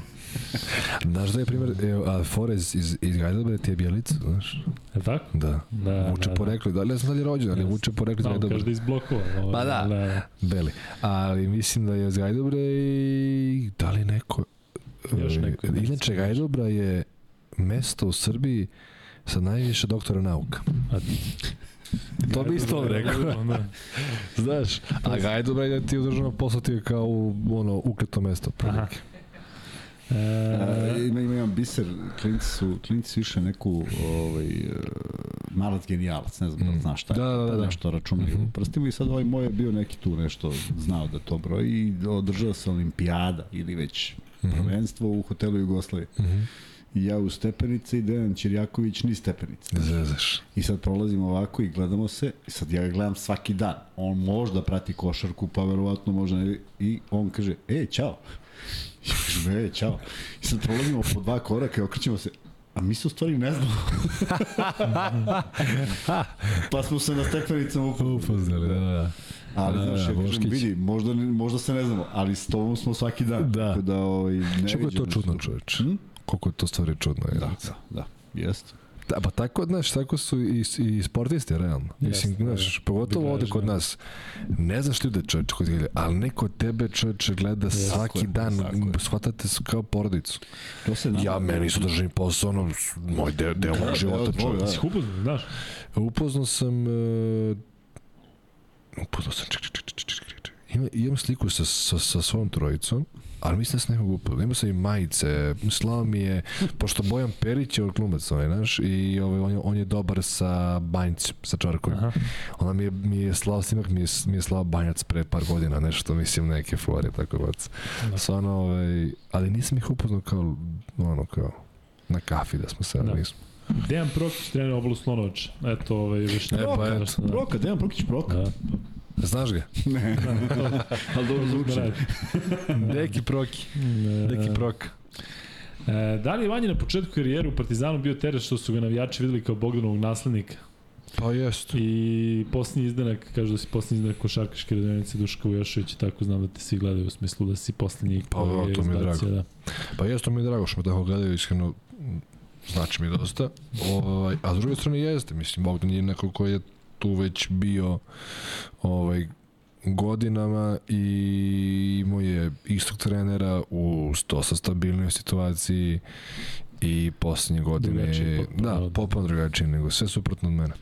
Ali jeste, neki, ali neki početni period postoje, je bilo očigledno da nije to to. E, kažu, Pa ja Baskin je dobila, okay. Dobila novog sponzora. E, Toro. E, Toro. Da, Da, to to je šta? danas vidio. To je ona trading kompanija, ovaj, imaju aplikaciju čak, ono Stocks, uh, Berza. Berza, ja, a? e, A čekaj, ono sa ovim Kazum. Pa Kazuti je bila fora prošle godine, oni su ušli u, u, da, u Kazuti je ušao u sve. Mi I smo to, čekali da nas pozovu, ti da se i, i, pazi, i doživjeli su bankrot. Znaš? Doživjeli? Bankrot doživjeli. Ozbiljno? Da, da. Pa nekad su sve suda se reklamirali. I Čekaj, oni su za renta car. renta kar, da. Pa kao Šazala Kazu. pokupiš Amazon paket, razumeš? Da, Ovako da, pokupiš da, škola, da. razumeš? Jeste. Dati ti banka, znači nisu više, ne? Ne, ne, nisu više, ovaj... Tamo stalno se menjaju sponzori. Pa nama stalno Da, menjaju Baskonija je ono promenila u posljednjih 20 Bila je 16.000 Bici dana. Baskoni je bila Bici, Da, to je neki token turski. I, A, to je neka, to ne, cini, to je neka kri- e, kriptovaluta. Da. Pa je bila Kazu, pa je sad Etor. Ali vidi, bar zadrže naziv grada, mesta i nečega. Italijane kad su menjali imena, Jeste, oni ga jeste, promene skroz. Uopšte ne znaš O- o- ko se u da. Jeste, jeste. Da. Samo odjednom osvaja novi klub dok ti shvatiš ko je. Nema nikakav trag. Da, da. Nema nikakav trag. Da, da, da. Kažu dvorana Ajka, koja se renovira, nosit će ime. Jel? A, e, pa je. eto ti. Da. A, znači dvorana Ajka koja da, se da. renovira. Pa vidiš, Da, da. nisam znao. Pa to je super. E, To je još, pa da, deal. to je super, jeste, da, da, nešto ovaj, To je, ovo, tako, to je ozbiljno, stvarno. Um, dakle, još jednom da naglasimo Vanja, u sledeće sezone da odgovorimo ovde na 6 miliona pitanja u Baskoni ostajete svi samo, znači Thompson uh, verovatno ide, da. tako, dakle, da, trebalo bi se zadrži igrao ekipa. da. Uh, Joan Penjeroja kao trener, i to su pitali, uh, imali ste sličnu, sličnu sudbinu u smislu Valencija po Baskonija, to ima neke veze. U smislu da nešto Pa nismo se da nešto- na nešto toga Ne. mnogo kačili i pričali o tome. Ne sećamo se baš ovaj, uh, lepih stvari Da. odatle, ali imamo super odnos i Duđan je super tip, bivši igrač. Ovaj, ne nešto kao Petran uspešan, da, ne, ali... ne pamtimo ga nešto da Pa igraju u Manresi. Da, Ovaj, tako, ali je, ali je, ali je super tip i stvarno onako s njim van terena je uživanje biti i provoditi ono, kaže ti dosta puta ti neki ručkovi sa ekipom, on, on i mi igrači večere, odlasci i tako da, znaš, tako da, ovaj, stvarno, prija igraču, ovaj, pogotovo ovaj, meni koji, a on voli šutera i tako to, tako da je meni baš lego neko. Među dva dole se igralo i za Bogdana, tako? Jeste, Da. jeste, jeste. E, da li misli da najbolji igrači iz EU ligi imaju mesto u rotacijama NBA klubova, tipa neka, neka prokomentariše Vezenkova, iskreno mislim da je prespao za NBA i da je sve ovo samo bljesak bio. Pa To ne mislim kažem. da je bljesak, ne mislim da je bljesak, on, Saša već nekoliko godina Jeste, polako gradi, znaš, diže Da. svoju formu i diže igru. je vrhunski na evropskom za Bugarsku je Jest. koliko god Bugarska bila onako kako bila, ali on je stvarno odigrao. Jeste, jeste, jeste. Tako da, znaš, ne mislim da je ovaj da je da je ovaj prespor i da je ovaj i mislim da da da da dosta igrača stvarno može eh, čak mislim da je suprotno, znaš, mislim da igrači dobri igrači iz, iz Evrope mogu da igraju u NBA-u, a ovi, znaš, regulara iz NBA, ja mislim da bi se teško Jeste. snašla ovde. Ili e, to je neko moje viđenje, razumeš? Možda ja grešim, možda su oni fizički dominantniji od nas, razumeš? Od nas. Od, od, od, od, od ove Evrope, nisu oni vanzemaljnici. Da, da, naravno. Ali mislim da ove, sigurno dobri igrači iz Evrope mogu da igraju u NBA. A, E, ne na fiziku, naravno. da. Kakva je Vitorija za život? Zavisi što ti treba. Hajde, reci nam, šta, šta je dobro, šta je loše? E, Malo ko je ovaj mogao da... Pa da, znaš, svi, ne, ne, ne voli je, ovaj, e, mnogo ljudi i bivši igrači, nis, nije im kao lepom sećanju. U smislu što je kao kišan grad. Jeste, meni je bila prve godine dosta puta kiša, ali evo, ove sad sezone mi je bilo fenomenalno vreme. Ovaj, I grad je u kome se odlično jede, u kome mm, gde ti je blizu i Bilbao i San Sebastian i tako da ako, mislim, imaš ti da vidiš sada u Vitoriji, razumeš, sad nije Vitorija, to je realno je mali grad, 200.000 ljudi, razumeš, Da. ali je samo lepo i, i, i, i ovaj, ono što, što, što, što, što mi volimo, to imamo pse i šetamo s njima o, po prirodi koja je samo sjajna i dobra hrana i Zdravo. nama je dosta. E, ili ste da najveš za Lakers? I zašto za Lakers? Pa dobro, ranije zbog, zbog Bryanta. Ali nemam trenutno omiljeni tim u NBA-u. Mislim, Joka. Da. Sad Joka se mi. podrazumeva ne? Pa gde god daje. Gde god daje, da, da je u Pistonsima Da. bio Joko, razumiješ. E, gde si bio kad je Kobe preminuo? Svi znamo, pamtimo taj moment Da. kad smo videli. Da, bio sam u sećam stačnom krevetu u hotelu u Santiago protiv Obradovjera veče pre. I na netu si da ti javim. Da, dopisio sam se sa ovaj, nekom grupom, sa, bože, sa bivšim saigračima ispred, pošto imam grupu nas, trojice četvorica, ovaj, kao umro Kobe. I bila kao, ma daj, ne znam. Da, to smo svi mislili da je patka novinarska. Da, ali da, baš je bio onako, ono, šok, opasan šok. I nisam mogu da, š- i sutra dan isto čovječe, treba igraš tekmu kao. A ti on bio idol. To Jeste, pa to mi je onaj, znaš, kao, ako sam, nisam uvek, nisam bio taj klinac koji ima idole i samo se jednom čovjeku divi, razumeš, ali ako sam, neko, a, ako sam gledao nečije highlights, te, to, to su bili njegovi highlights Da. I njegove utakmice. Nije bilo nikakvih kontakata s njim u smislu da ste se negde zakačili. Ono, Ne. da. Mm -mm. Ne. E, Zato Šubara moramo da vedemo ovde. da ispriča tu o toj večeri, tako? Jeste. E, zašto više ne igraš PUBG, šta god to bilo? PUBG, Da. ne igram. A? Šta god to bilo. PUBG. Kad imamo, kad imamo 100 godine. Da. Ne, ba igram, sad sam prešao nešto drugo. E, Na, neš da na šta? Candy Crush. Gde mogu da, tako da, da. do 6000 to nivo. Da. E. Vanja, reci nam, da li, nam se suštini već rekao, um, šta još gledaš od sportova? Jel ti košaka nekada dosadi ono, Jest. da ono pređeš, Da. da. znamo da automoto te zainteresovati. Pa da, gledam, kad ovaj, uvatim, gledam to MotoGP, nekad Formula 1, uh, tenis, ali dobro, gledam Đoković. Mislim, ranije sam baš gledao tenis ono aktivno. Da. I pa gledam sportova, ajde se sad malo onako razmislim, ali to bi bilo to možda možda ovaj uh, ako nađe dobro, dobra Liga šampiona i tako to. A Bilbao vam, ali imaš neki kontakt bilo, kao ekipa, ali pratite nešto? Ne, pa gledam ovaj naš Alaves.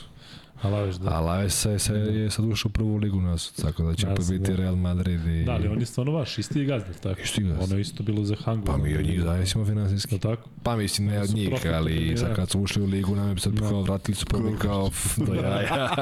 Konačno. Biće love. E, da li vidiš Drezgića i Topića kao budući kapitene večitih? Koga? Drezgića malog u Partizanu i Topića Nikolu u Zvezdi. Niko znam, a s- ko je taj Dreskić? Drezgić je ovaj mali Igrao je momak play, par utakmica, se par puta skinuo jer je morao 12, 16 godina. junior isto. Da. Mislim, manju, manju Da li vidim kao? ima. Kao kapiten. Da li bi volao da, da, da, da Pa ne znam. naši igrači ponovo budu kapiteni? Volao bih, da, da, da li ih vidim, pa ne znam. Promenili se sad to, znaš.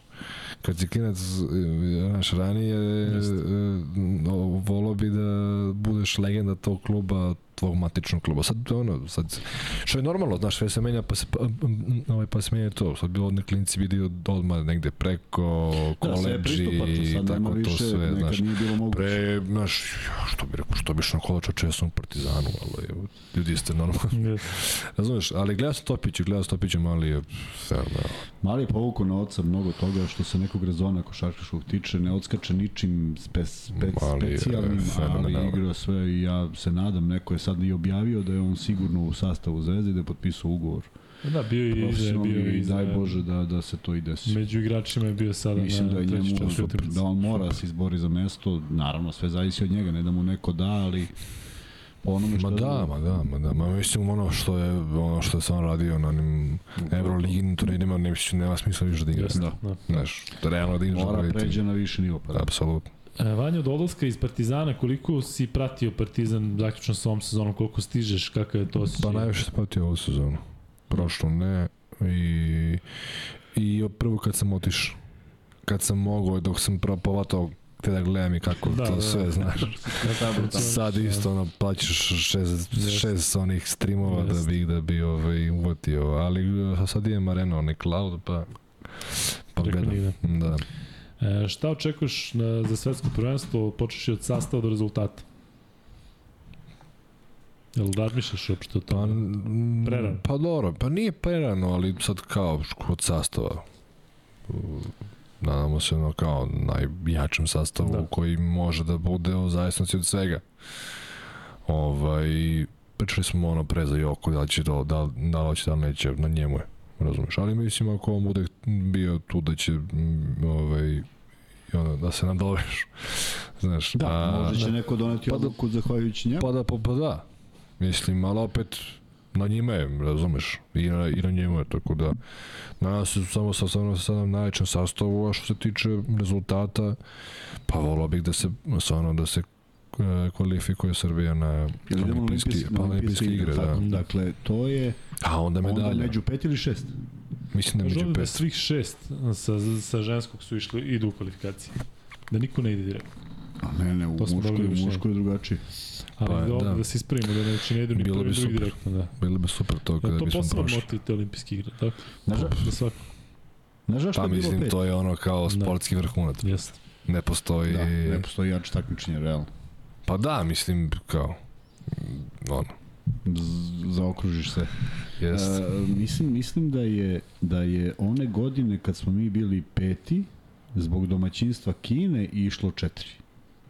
A da bi 2019. generalno trebalo da bude pet. Da. Ako ja dobro se sećam. E, Pa sad Francuska šta?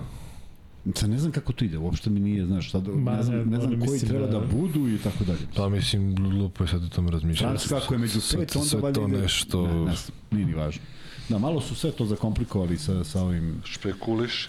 Da, ali ajde da vidimo, e, nismo još dotakli temu, ovaj, ne, ne sa Vanjom, nego nismo se ni ti ni ja, e, sećaš se da su nagoveštaji nekih e, pomirenja Uleba, to jest Evrolige i FIBE i da neće imati one prozore onako ludačke, niko ništa nije progovorio na tu temu.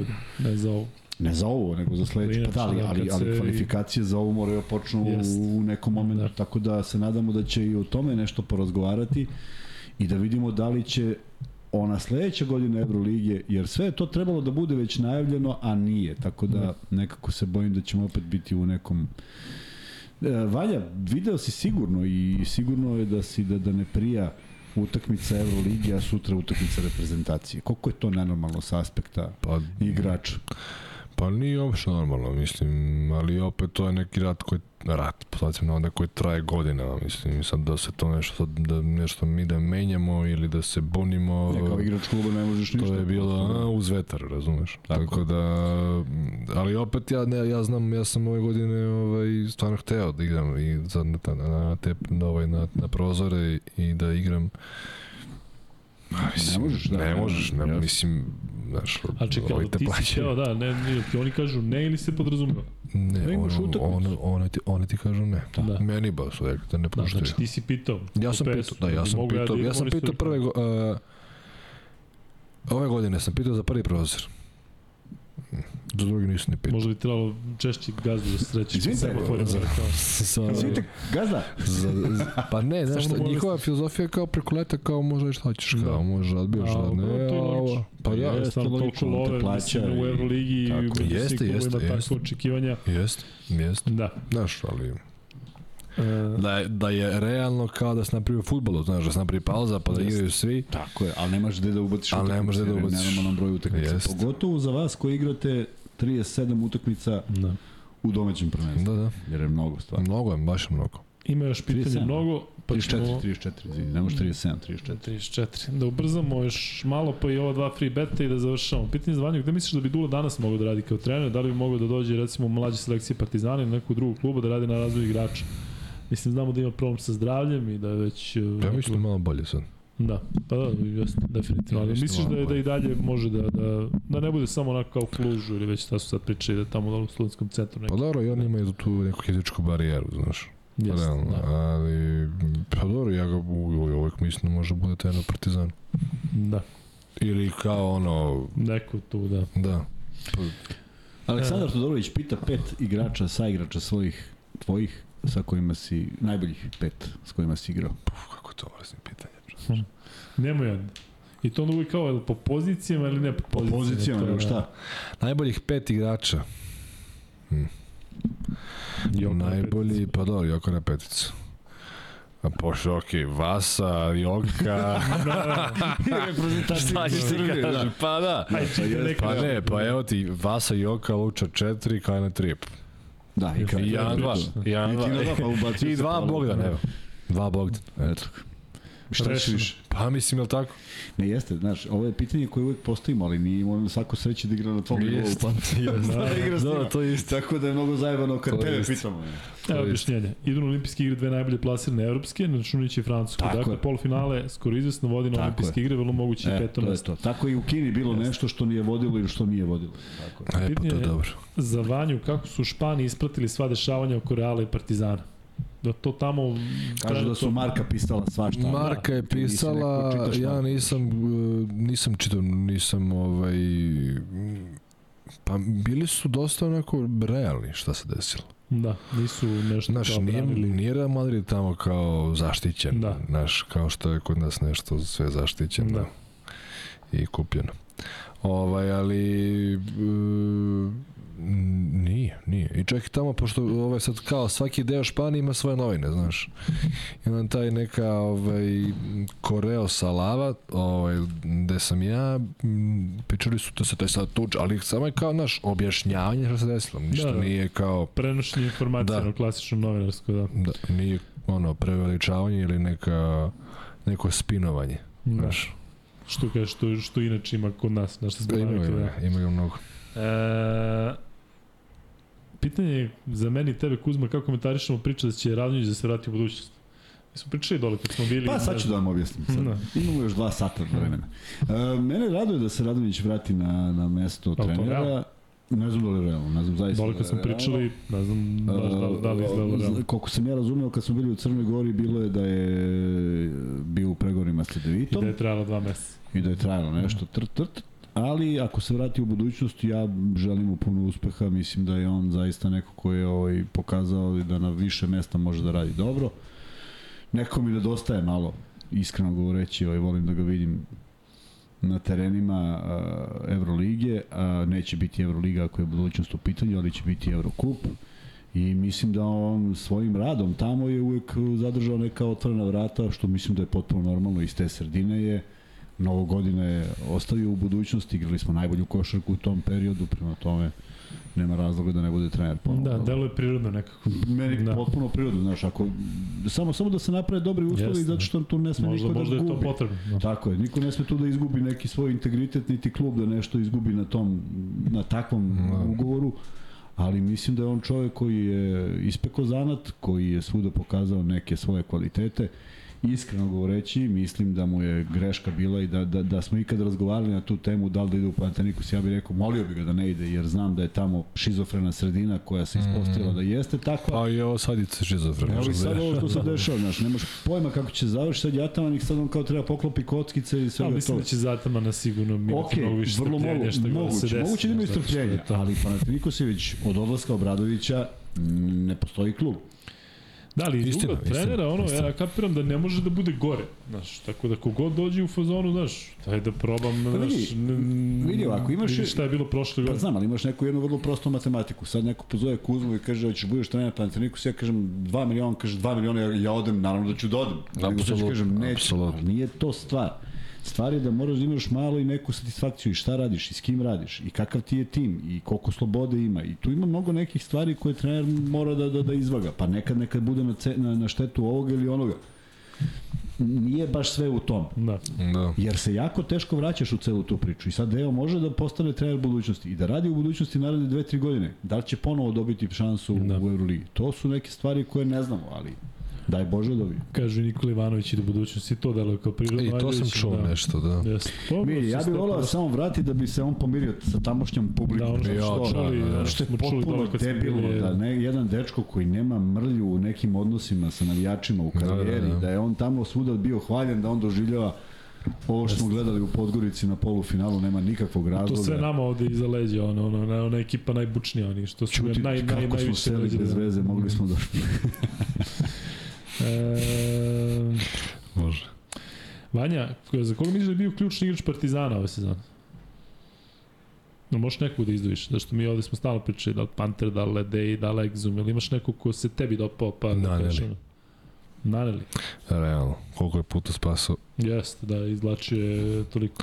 Protiv, A- protiv tebe nije u prvom metu. A protiv je mene nije, sva sreća. Sve bilo drugačije. Ali, ovaj, na šta, spasio najbitnije, studentski Jeste, centar. Jeste, jeste, Znači jeste. mi kaže kao Euroliga, mm, di centar. Bož da se desilo tako. Znam isto, Čak i on protiv Zamisli to, Splita mi smo je sedeli ovde i pričali, kažem, zamisli da je ta lopta te neko ubacio u Pazi, da nije dao ono protiv Splita, Partizan Isto, bio isto drugi. je drugi, drugi, drugi tako Da, da. da. Split. Da, da. Ali studentski centar je realno baš bitno. No, najbitnije bre u, u, Jeste, u u zadnjih, u zadnjih 10 utakmica, koliko se Pa I da. ona Efes, kad je dao Efes onu za pobedu, je tada je Partizan krenuo u seriju. Ono je bilo mm, moglo da se nastavi negativno i pitanje dokle bi došlo u Beograd. Jest, jest. E, Ali mislim da je on, mislim, razlika kao, ali uvek je davo kad treba da daje, razumeš? Šta bi volio da su te ljudi ili novinari pitali da te nikad nisu pitali? Ima nešto što bih želeo da kažeš da te nisu nikad pitali? Meni je bilo ovo sa životinjama, da ono, daj reci nam malo psima i o Da, to je da se- i to smo pitali. Jesu, a? Jesu. A, ne, znam, Da, on ne pričao o slonovima, to ti nisu. Pa ne, mislim kao, ne znam, ono. Mislim da je sve, sve preko toga neko pitanje uzako neki Ne, baš privatni da. život, da, znaš. Mislim, ono, E, a nisi na društvenim mrežama, a? Nisam. Bravo, svaka čast. Mislim, jesam Twitteru, jer, ovaj, jer pratim ono, uh, bože, ovaj, basket i transfere i sad, sad je to haos. Da, tu sam. Ali ne zove se, kako se zove? Zove se... John, John Fenderston. Dobro, zvaćemo te John. John, John Smith. John Wayne. pa nema, mislim, ono, pratim samo da bih znao, jer mi interesuje. Ne? Da. Bolje to nego ja pratim Slažem se, bilo šta drugo. Ali sreo sam, da, bio sam, nisam bio više u Savezu, ali sam uleteo u Crown Plaza, imao sam neki sastanak, pa je bila reprezentacija, pa sam seo s Milutinovim, Tepićem, ne znam ko je bio treći. Pitao Mhm. sam, ljudi, jel vi pratite ove društvene mreže? Jer mi ne možemo, iz, sa našeg aspekta košarkaškog, ne možemo da obacimo dotle. Mislim, imamo si Mhm. žurnal i sport, pa ako si igrao loše, niko ne napiše igrao si loše, nego ako si igrao dobro, napiše igrao. Yes. I mislim da je Tepa odgovorio, kaže, trudimo se da ne pratimo, ali kaže, ne vredi, prosto...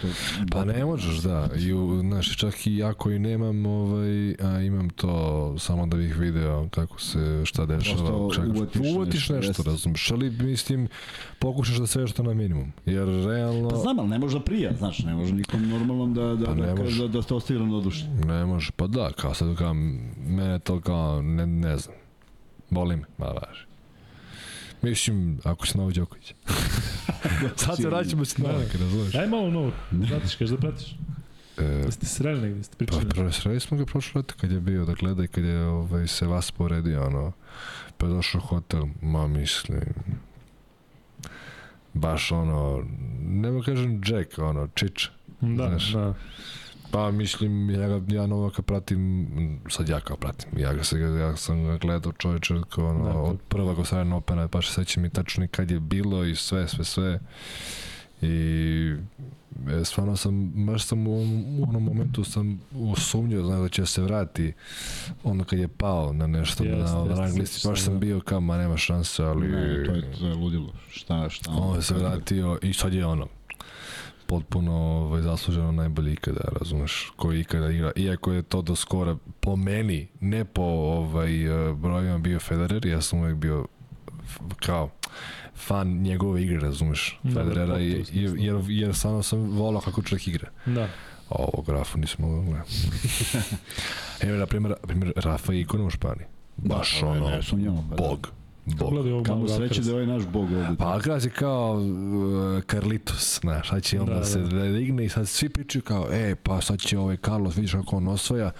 Kažem, ljudi, mislim, ja koji stvarno ne znam, ali da li je realno da će neko da ovaj, prestigne ovu trojicu? Ma kako. Ali dobro, u zavisno koliko konkurencije. Pa ček, Ako zaista znam, bio toliko dominantan, a nema neku konkurenciju, ovi trojica su se Mnogo, mnogo Znam, ali sebe, čekaj, da. ovaj ima 23 Jeste, čovječ. jeste. da. Uzme, imaće još, Treba budeš 17 Dva, tri, godina na, na najvišem nivou. budeš na da. najvišem a i nivou. povrede i sve, nije to, Jeste, znaš, jeste. ali ajde sve o sve, nego mentalno da si kao, kao Đoković. Ne, ne, ono je posebna, posebna priča, posebna priča u svakom Baš- smislu. Za, za sve sportove, ne za tenis. pa da. Ja mu želim Baš. da u Parizu olimpijskim igrama i to konačno ovaj, skine sa liste. Da, mislim da je Pa to da, ja mu želim, opterećenje neko. ja mu želim to i još dva, realno, Grand Slema, da se malo odvoji, znaš. Da ne bude da izlijam. Da, Malo da, da, odvoji se, zaokruži na 25-icu olimpijske I ćao. i Vreme da. ajde, na Ima još kafu. jedno pitanje, Aleksandar Todorović. Ja sam uživo gledao nekoga koga ti možda ne pamtiš i potpuno bih razumeo, ali to je bio čovjek koji je pod starije dane iz Zvezde prešao u OKK Beograd, igrao sam, stvari ja sam igrao s njim, imao sam priliku da igram s njim, Slobodan Nikolić. On je najbolji strelac Zvezde, najveći, sa najvećim brojem poena. Mhm. I ja sam gledao 25-25 sa sve trkom ispod koša. Znači to do tada nikad nisam video. Prosto istrči iz koša, ti mu baciš u pravom trenutku. Bogdan se je fascinirao nekim Koji je tvoj neki skor? Znaš možda nekih vezanih koje si ubacio? Pita Aleksandar. Jesi uopšte pokušavao ili ideš samo na... Pa nijesam to kad je bio Dule, znaš. Ali ne sećam se... 128, 129. Ka, a, a, za, Vezanih. za redom? Da. Pa 22, 3 možda, tako nešto. Da. Ali nikad ja, mislim kao nije, nikad nisam. Jesam, ali uvek je, e, primjer, ja sam to povukao Duleta. Dule ima to upucavanje, znaš, hiljadu ubačenih u 7 ujutru, pa trening, pa onda ostane posle treninga ubaci 10 za jednom, pa onda ubaci, znaš, i tako. To, znaš, bukvalno uput, znaš, upucavanje, ali i, jačanje pa ovaj, naš mentalno. Da, da, da. I to je Više meni neko, samo- i to mi je više ostalo, znaš, nego se tako da, da, da vezujem. Mislim, dobro, i to je isto mentalno, znaš, i isto je to upucavanje, a nekako mi je ovo bilo, baš, znači, sve hiljadu ubače, ubačen. Ne, ne, ne, ne. Mi kad kažemo hiljadu, onda neko pomisli, pa dobro. da. Završiš. Ja sam, stvarno ja sam došao dasim u 7 ujutru, a trening je počeo u 10. I jesi ubacio? Pa jesam, ali, Ali tri, si. tri Tri sata, sata, vrate, pa je. Kažeš došao s njim, Dule tu Dule tu, i gleda. gleda. I I- taj sam vraćao. Raz. Taj sam dobro reći, ja. Da. Ja, ne možeš da shvatiš. E, ali broj kad kažeš, kad, kad kažu ajmo 200 ubačenih, ti kažeš ok, to je ok. A đavala i Ne, to naj, je naj, malo. najvjerojatnije me Dule Ej, gleda. To je 10 serija po 20 Gleda, učenih, čoč, pa kažeš tu si, pa je to neki deo treninga. 400 te već zaboli, zaboli mozak da brojiš, a ovo je ovo 500, prevazilazi. 500 je ovaj preko, Ozbiljan znaš šta je fora kada ubaciš 500 onda ne možeš promašiš. Ja znaš toliko, 500 toliko si puta si ono još kao Da. noćeš listove i samo što i sve ide, ide, ide, ide. Vanja, još malo, ovaj, da li si vidio sastav Amerikanaca za svetsko prvenstvo? E, to pita i ovdje, Yes. verovatno isti I? čovjek. Pa, nisu specijalni, Da iskreno. Da, ih stvarno, otalantučimo, da ih otalantučimo tamo. Hvala Nemanja. Uh, Nisu specijalni. I da, evo sad ovde su iščitali sastav. E, za koga navijaš u MotoGP-u? Pa je, što sam rekao malo pre za kvartarara. Ima neko objašnjenje zašto? Imam pojma Ne. mi ovde. Pa ja, ja, ja mislim da je još uvek u vozi trebalo bi Da. nešto se nije povredio. Pa njega sam upoznao kad sam bio to, Aha. u toj Valenciji. Da. Da, super tip. E, Mlad je. I da, nisam fan ovog Mark tako? Ne ovaj španac. Pitali ste iz njega, da. E, šta misliš o fan stranici na Twitteru, opet na, na Baskoni, Kazu Baskonistas? Znaš za njih? Ne, ima neka stranica, zove se Orthodox Baskonistas. Ne znam ali možda ima i ta neka. Da, Ali ti Orthodox su, su fenomenalni. Zanimljivo Imaju- je, šta je, tako, Pa bled. da, neki gifovi, to, neki to. ono, s, photoshopovi, ovaj, i mene, neke, i mene imaju neki, neki, neki nadimci, ovaj, mislim, ja uvek ono, znaš, nešto mi izađe, pa onda ja pogledam, mislim, baš smešno. E, ajmo drugi free bet, pošto imaš jedan. U, Drugi freebet. znaš, Ma ne znam Jan Marinkovića više.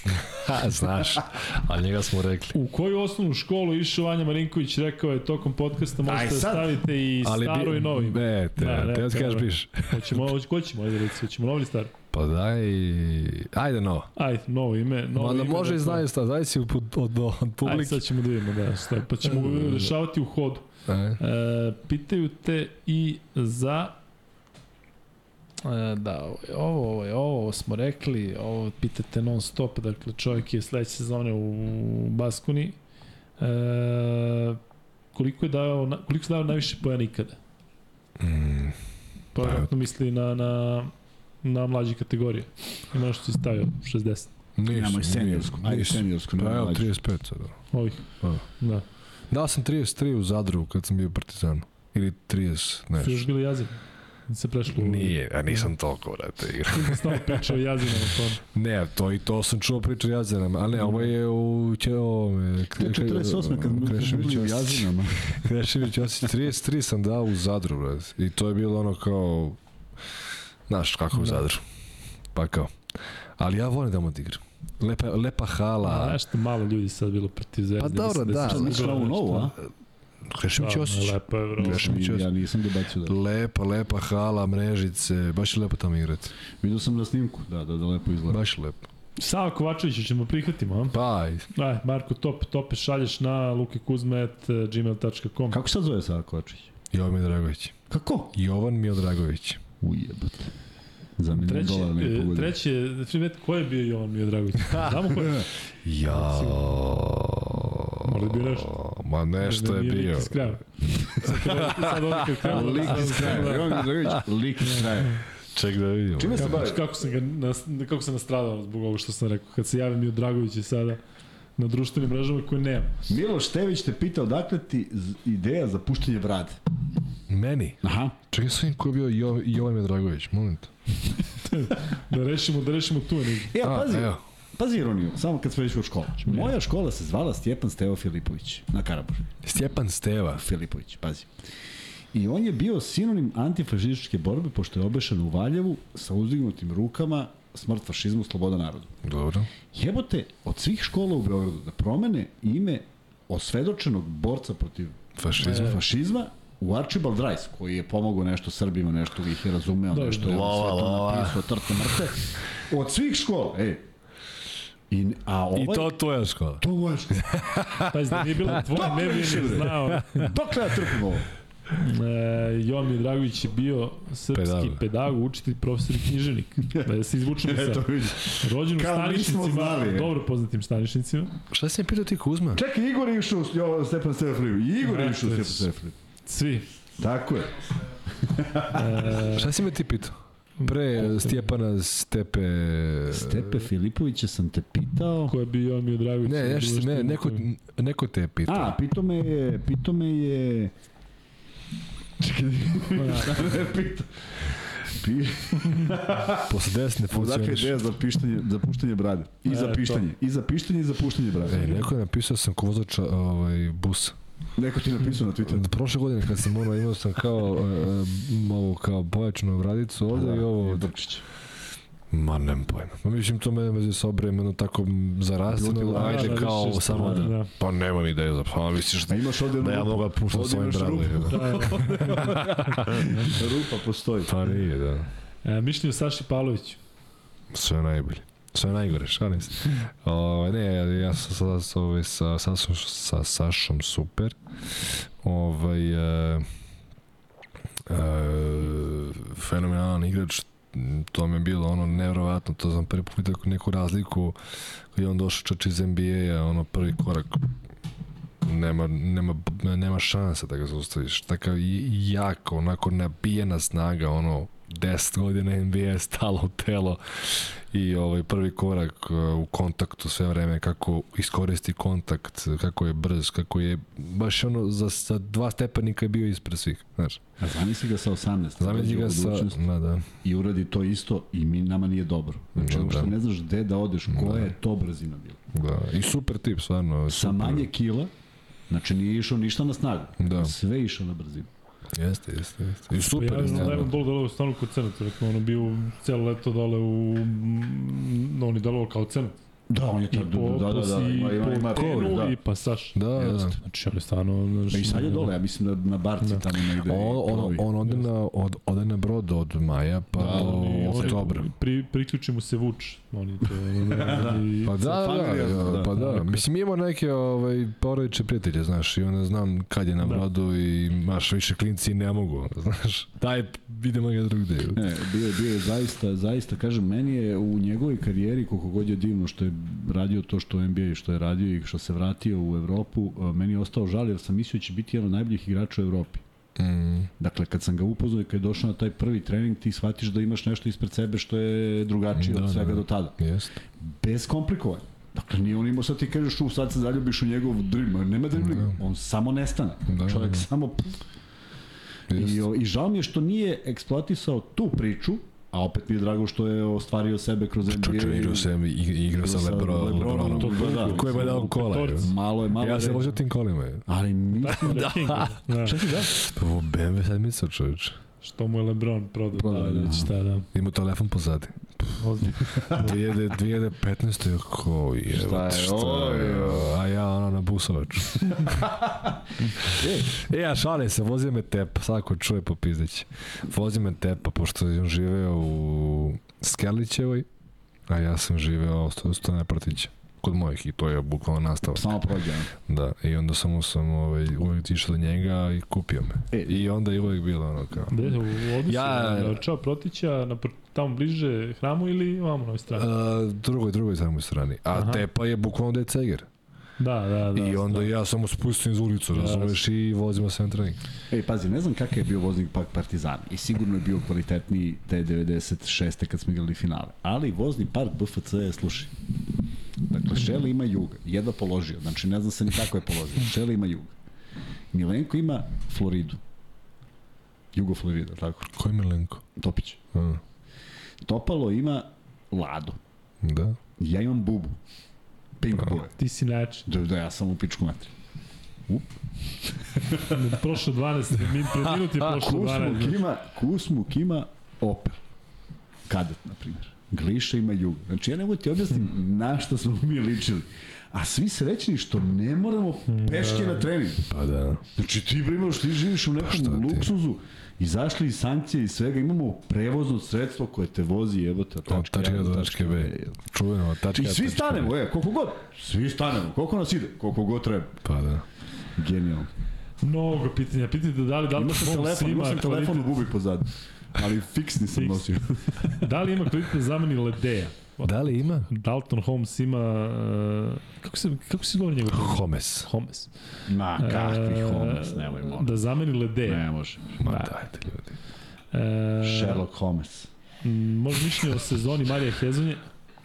E, pa na kraju je ispalo ok kako je moglo da bude s obzirom na broj Jeste, da. igrača i, što ko, i koliko loše je počeo i koliko mu je dao Ćus Mateo, mislim da je na kraju odigrao dobru sezonu. Zamenio na listina da dolazi u Basku, nisi čuo? Zamenio na, a, čuo sam, čuo sam, Da. ali to je kao, kao dan deal što bi rekli, Da. ali ništa zvanično, nešto nisam vidio. Šta misliš o mladim igračima Partizana, ne znam na koje ovde misle? Ko je mlad? Pa, Balša, Šalim se, pa dobro, mladi su Balaša, Tristan, Trifa, Trifa, da. pa ja bih volio još Nisu te tretirali kao mlađeg tada. Ne, ja nisam, ja sam... Vanja je bio mlađi sa 17, da, sa 18 je bio kapitan. sam, sam bio kapitan. Mm, To je Jebi to. se. To, je- to, Pro, nisi to ti je što ti je. Yes. Pa ne, mislim da ja znam, samo samo znam Trifu, znaš, ne znam, ne znam ostale, čak ni tog malo, kako se rekao. Drezgić. Da, Drezgić. Ne znam, tako da, ovaj, volao bih da, ono, Napred. koliko je realno, da. Tih 90-ih smo se plasirali u, u prvu ligu. I sad ne znam šta se dešavalo. U svakom slučaju, doktor Maksić, ne znam koliko stiga uspio da uhvatiš u Kako se da je Maksu, dobro, e. tako ne. E, za Maksu ide fantastična priča jer je Maksa sa nama četvoricom uspeo da napravi neki preokret protiv radničkog u Šumicama i to je išlo u sportskom pregledu. Da. I kaže, i onda je, kaže, mladi Maksić, mladi, mislim, on je već tad imao 25-6 godina, ali, kaže, mladi Maksić preuzeo stvari u svoje ruke. I mi dobijemo utakmicu. I sad dobili smo neke utakmice u serijama i sad dolazi sledeća utakmica, gde Maksa opet odigrao fenomenalno. Mm -hmm. I u sportskom pregledu, znači 7 dana kasnije, kaže, i onda je iskusni mlad Maksić preuzeo stvari u svoje ruke. I mi počnemo smemo, evo te, šta je na trećoj? veteran, Veteran, veteran da. Maksić vodio svoje do... Srećom ne Penzioner. Maksić. Da, penzioner. Ne, pobedi smo treću, pa nije bilo, ovaj, nije bio E, veteran. Drugari, da završavamo. Dakle, Koliko je to pitanje o Daryl Williamsu čoveče, tri Robiju. sata si ovde. Kome? Daryl Williams, ovaj što je igra u Partizanu. Darrell Williams. Da. Ozbiljna glava. A, što je Robi? Što se zvali Robi? Robi? Kaže, Daryl Williams da ni Robi. Ne znam. Ove, ali to taj, pojma, kažu da ali super super, tip. super tip, super tip pozitive, uvek nasmejan. Igrao play, a par napada protiv Zirves, Yes. kako se sećate. Yes. Super, super tip, stvarno. Ali du, A- on je bio kratko nešto, Da, dva, tri nije. meseca. Boris Dijalo, što pitaju za zezanje sa njim. A pa Boris poznao je srpski. Da. I onda je sve bilo smešno, Pitaju ti za španski, kako ti ide? pa super. A? Mislim, znam, znam. Full, španski lak. pričam na španskom. E, ajmo i treći free bet. Ko je saigrač Vanje i Kuzmi? Siguran sam jedan jedini. Bivši saigrač i Vanje i Kuzme Pa ko kaže, kaže Ništa jedan, jedan, ja. šta? Sigurno je jedan jedini. Ajde, dobro. Ko Pa ko? Nemoj, ne smo da ti kažemo sad. Ne dok samo kad, govori, kad da. odgovore, tek onda. Kome smo pričali malo pre. Aha. E, I to će biti treći free bet. A čekaj, Trifu nikako nisi zakačio. Pa Jesam, jesam, Tako, jesam. Nije jedini, nije jedini. Nije jedini. E, Ali jedan od, ajde jedan od. Pavlović, Vuk Grbić, rečem, Vuk Grbić, Grover. Bilo je, bilo je bio, da. jest? Ili nije? Nije, a jebi ga, ko Kako preteruješ, da, brate. Mislim sam, da ne, mislim sam da si igrao da. sa, sa Tepom ili s Lukom Bogdanović. Nisam. Znači, samo je pa Saša Pavlović. Samo sam- Šta si ti pitao? Za? Pa, mm, za Dialo, Mm, pa onda za Trifu. A, ja sam, ja sam s Trifom bio, on je došao kad sam bio kod Trinkijerija. Tad je došao nešto na posle dva, tri meseca. A tad je bio baš ono klinac, Da, klinac. I onda je posle sam, znaš, Mislim, sad je, znaš, ovaj, drago mi je što je, Čoveč, imamo srednjoškog saigrača. reci, Kako je to nevjerovatno. drago mi je što je, ovaj, što sad je tu, znaš, što je ima ulogu u timu i što je ovaj, nešto radio sa, sa Partizanom. Samo mi je drago. Volao bih da još više igra i da je, ovaj, ali dobro. Znači, E. mislim da, mislim da, da ima ugovor čak za sledeću godinu. Ima, ima, ja mislim. Uh, broj pominjen BFC i Juba Ligi se popeo na 2 u 15 minuta. Da, za ovo, taj deo. Kad, smo, kad se prisjećamo. Nemoj da krenem da pričam pa da Ne, završimo u molim. 4 ujutru.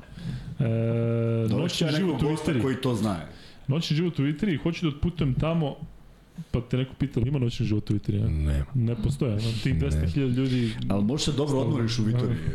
Legneš u 11 Da, brate. Šta misliš o Musi? I da lagano završamo i pitali su i te ovde i kako je te, kad smo već kod Reala, koliko je teško igrati i čuvati Tavares ekipno. Pa dobro, navikneš se da, mislim, na Edi, na, na Tavareca, sve na drugi obruč i na prvi korak.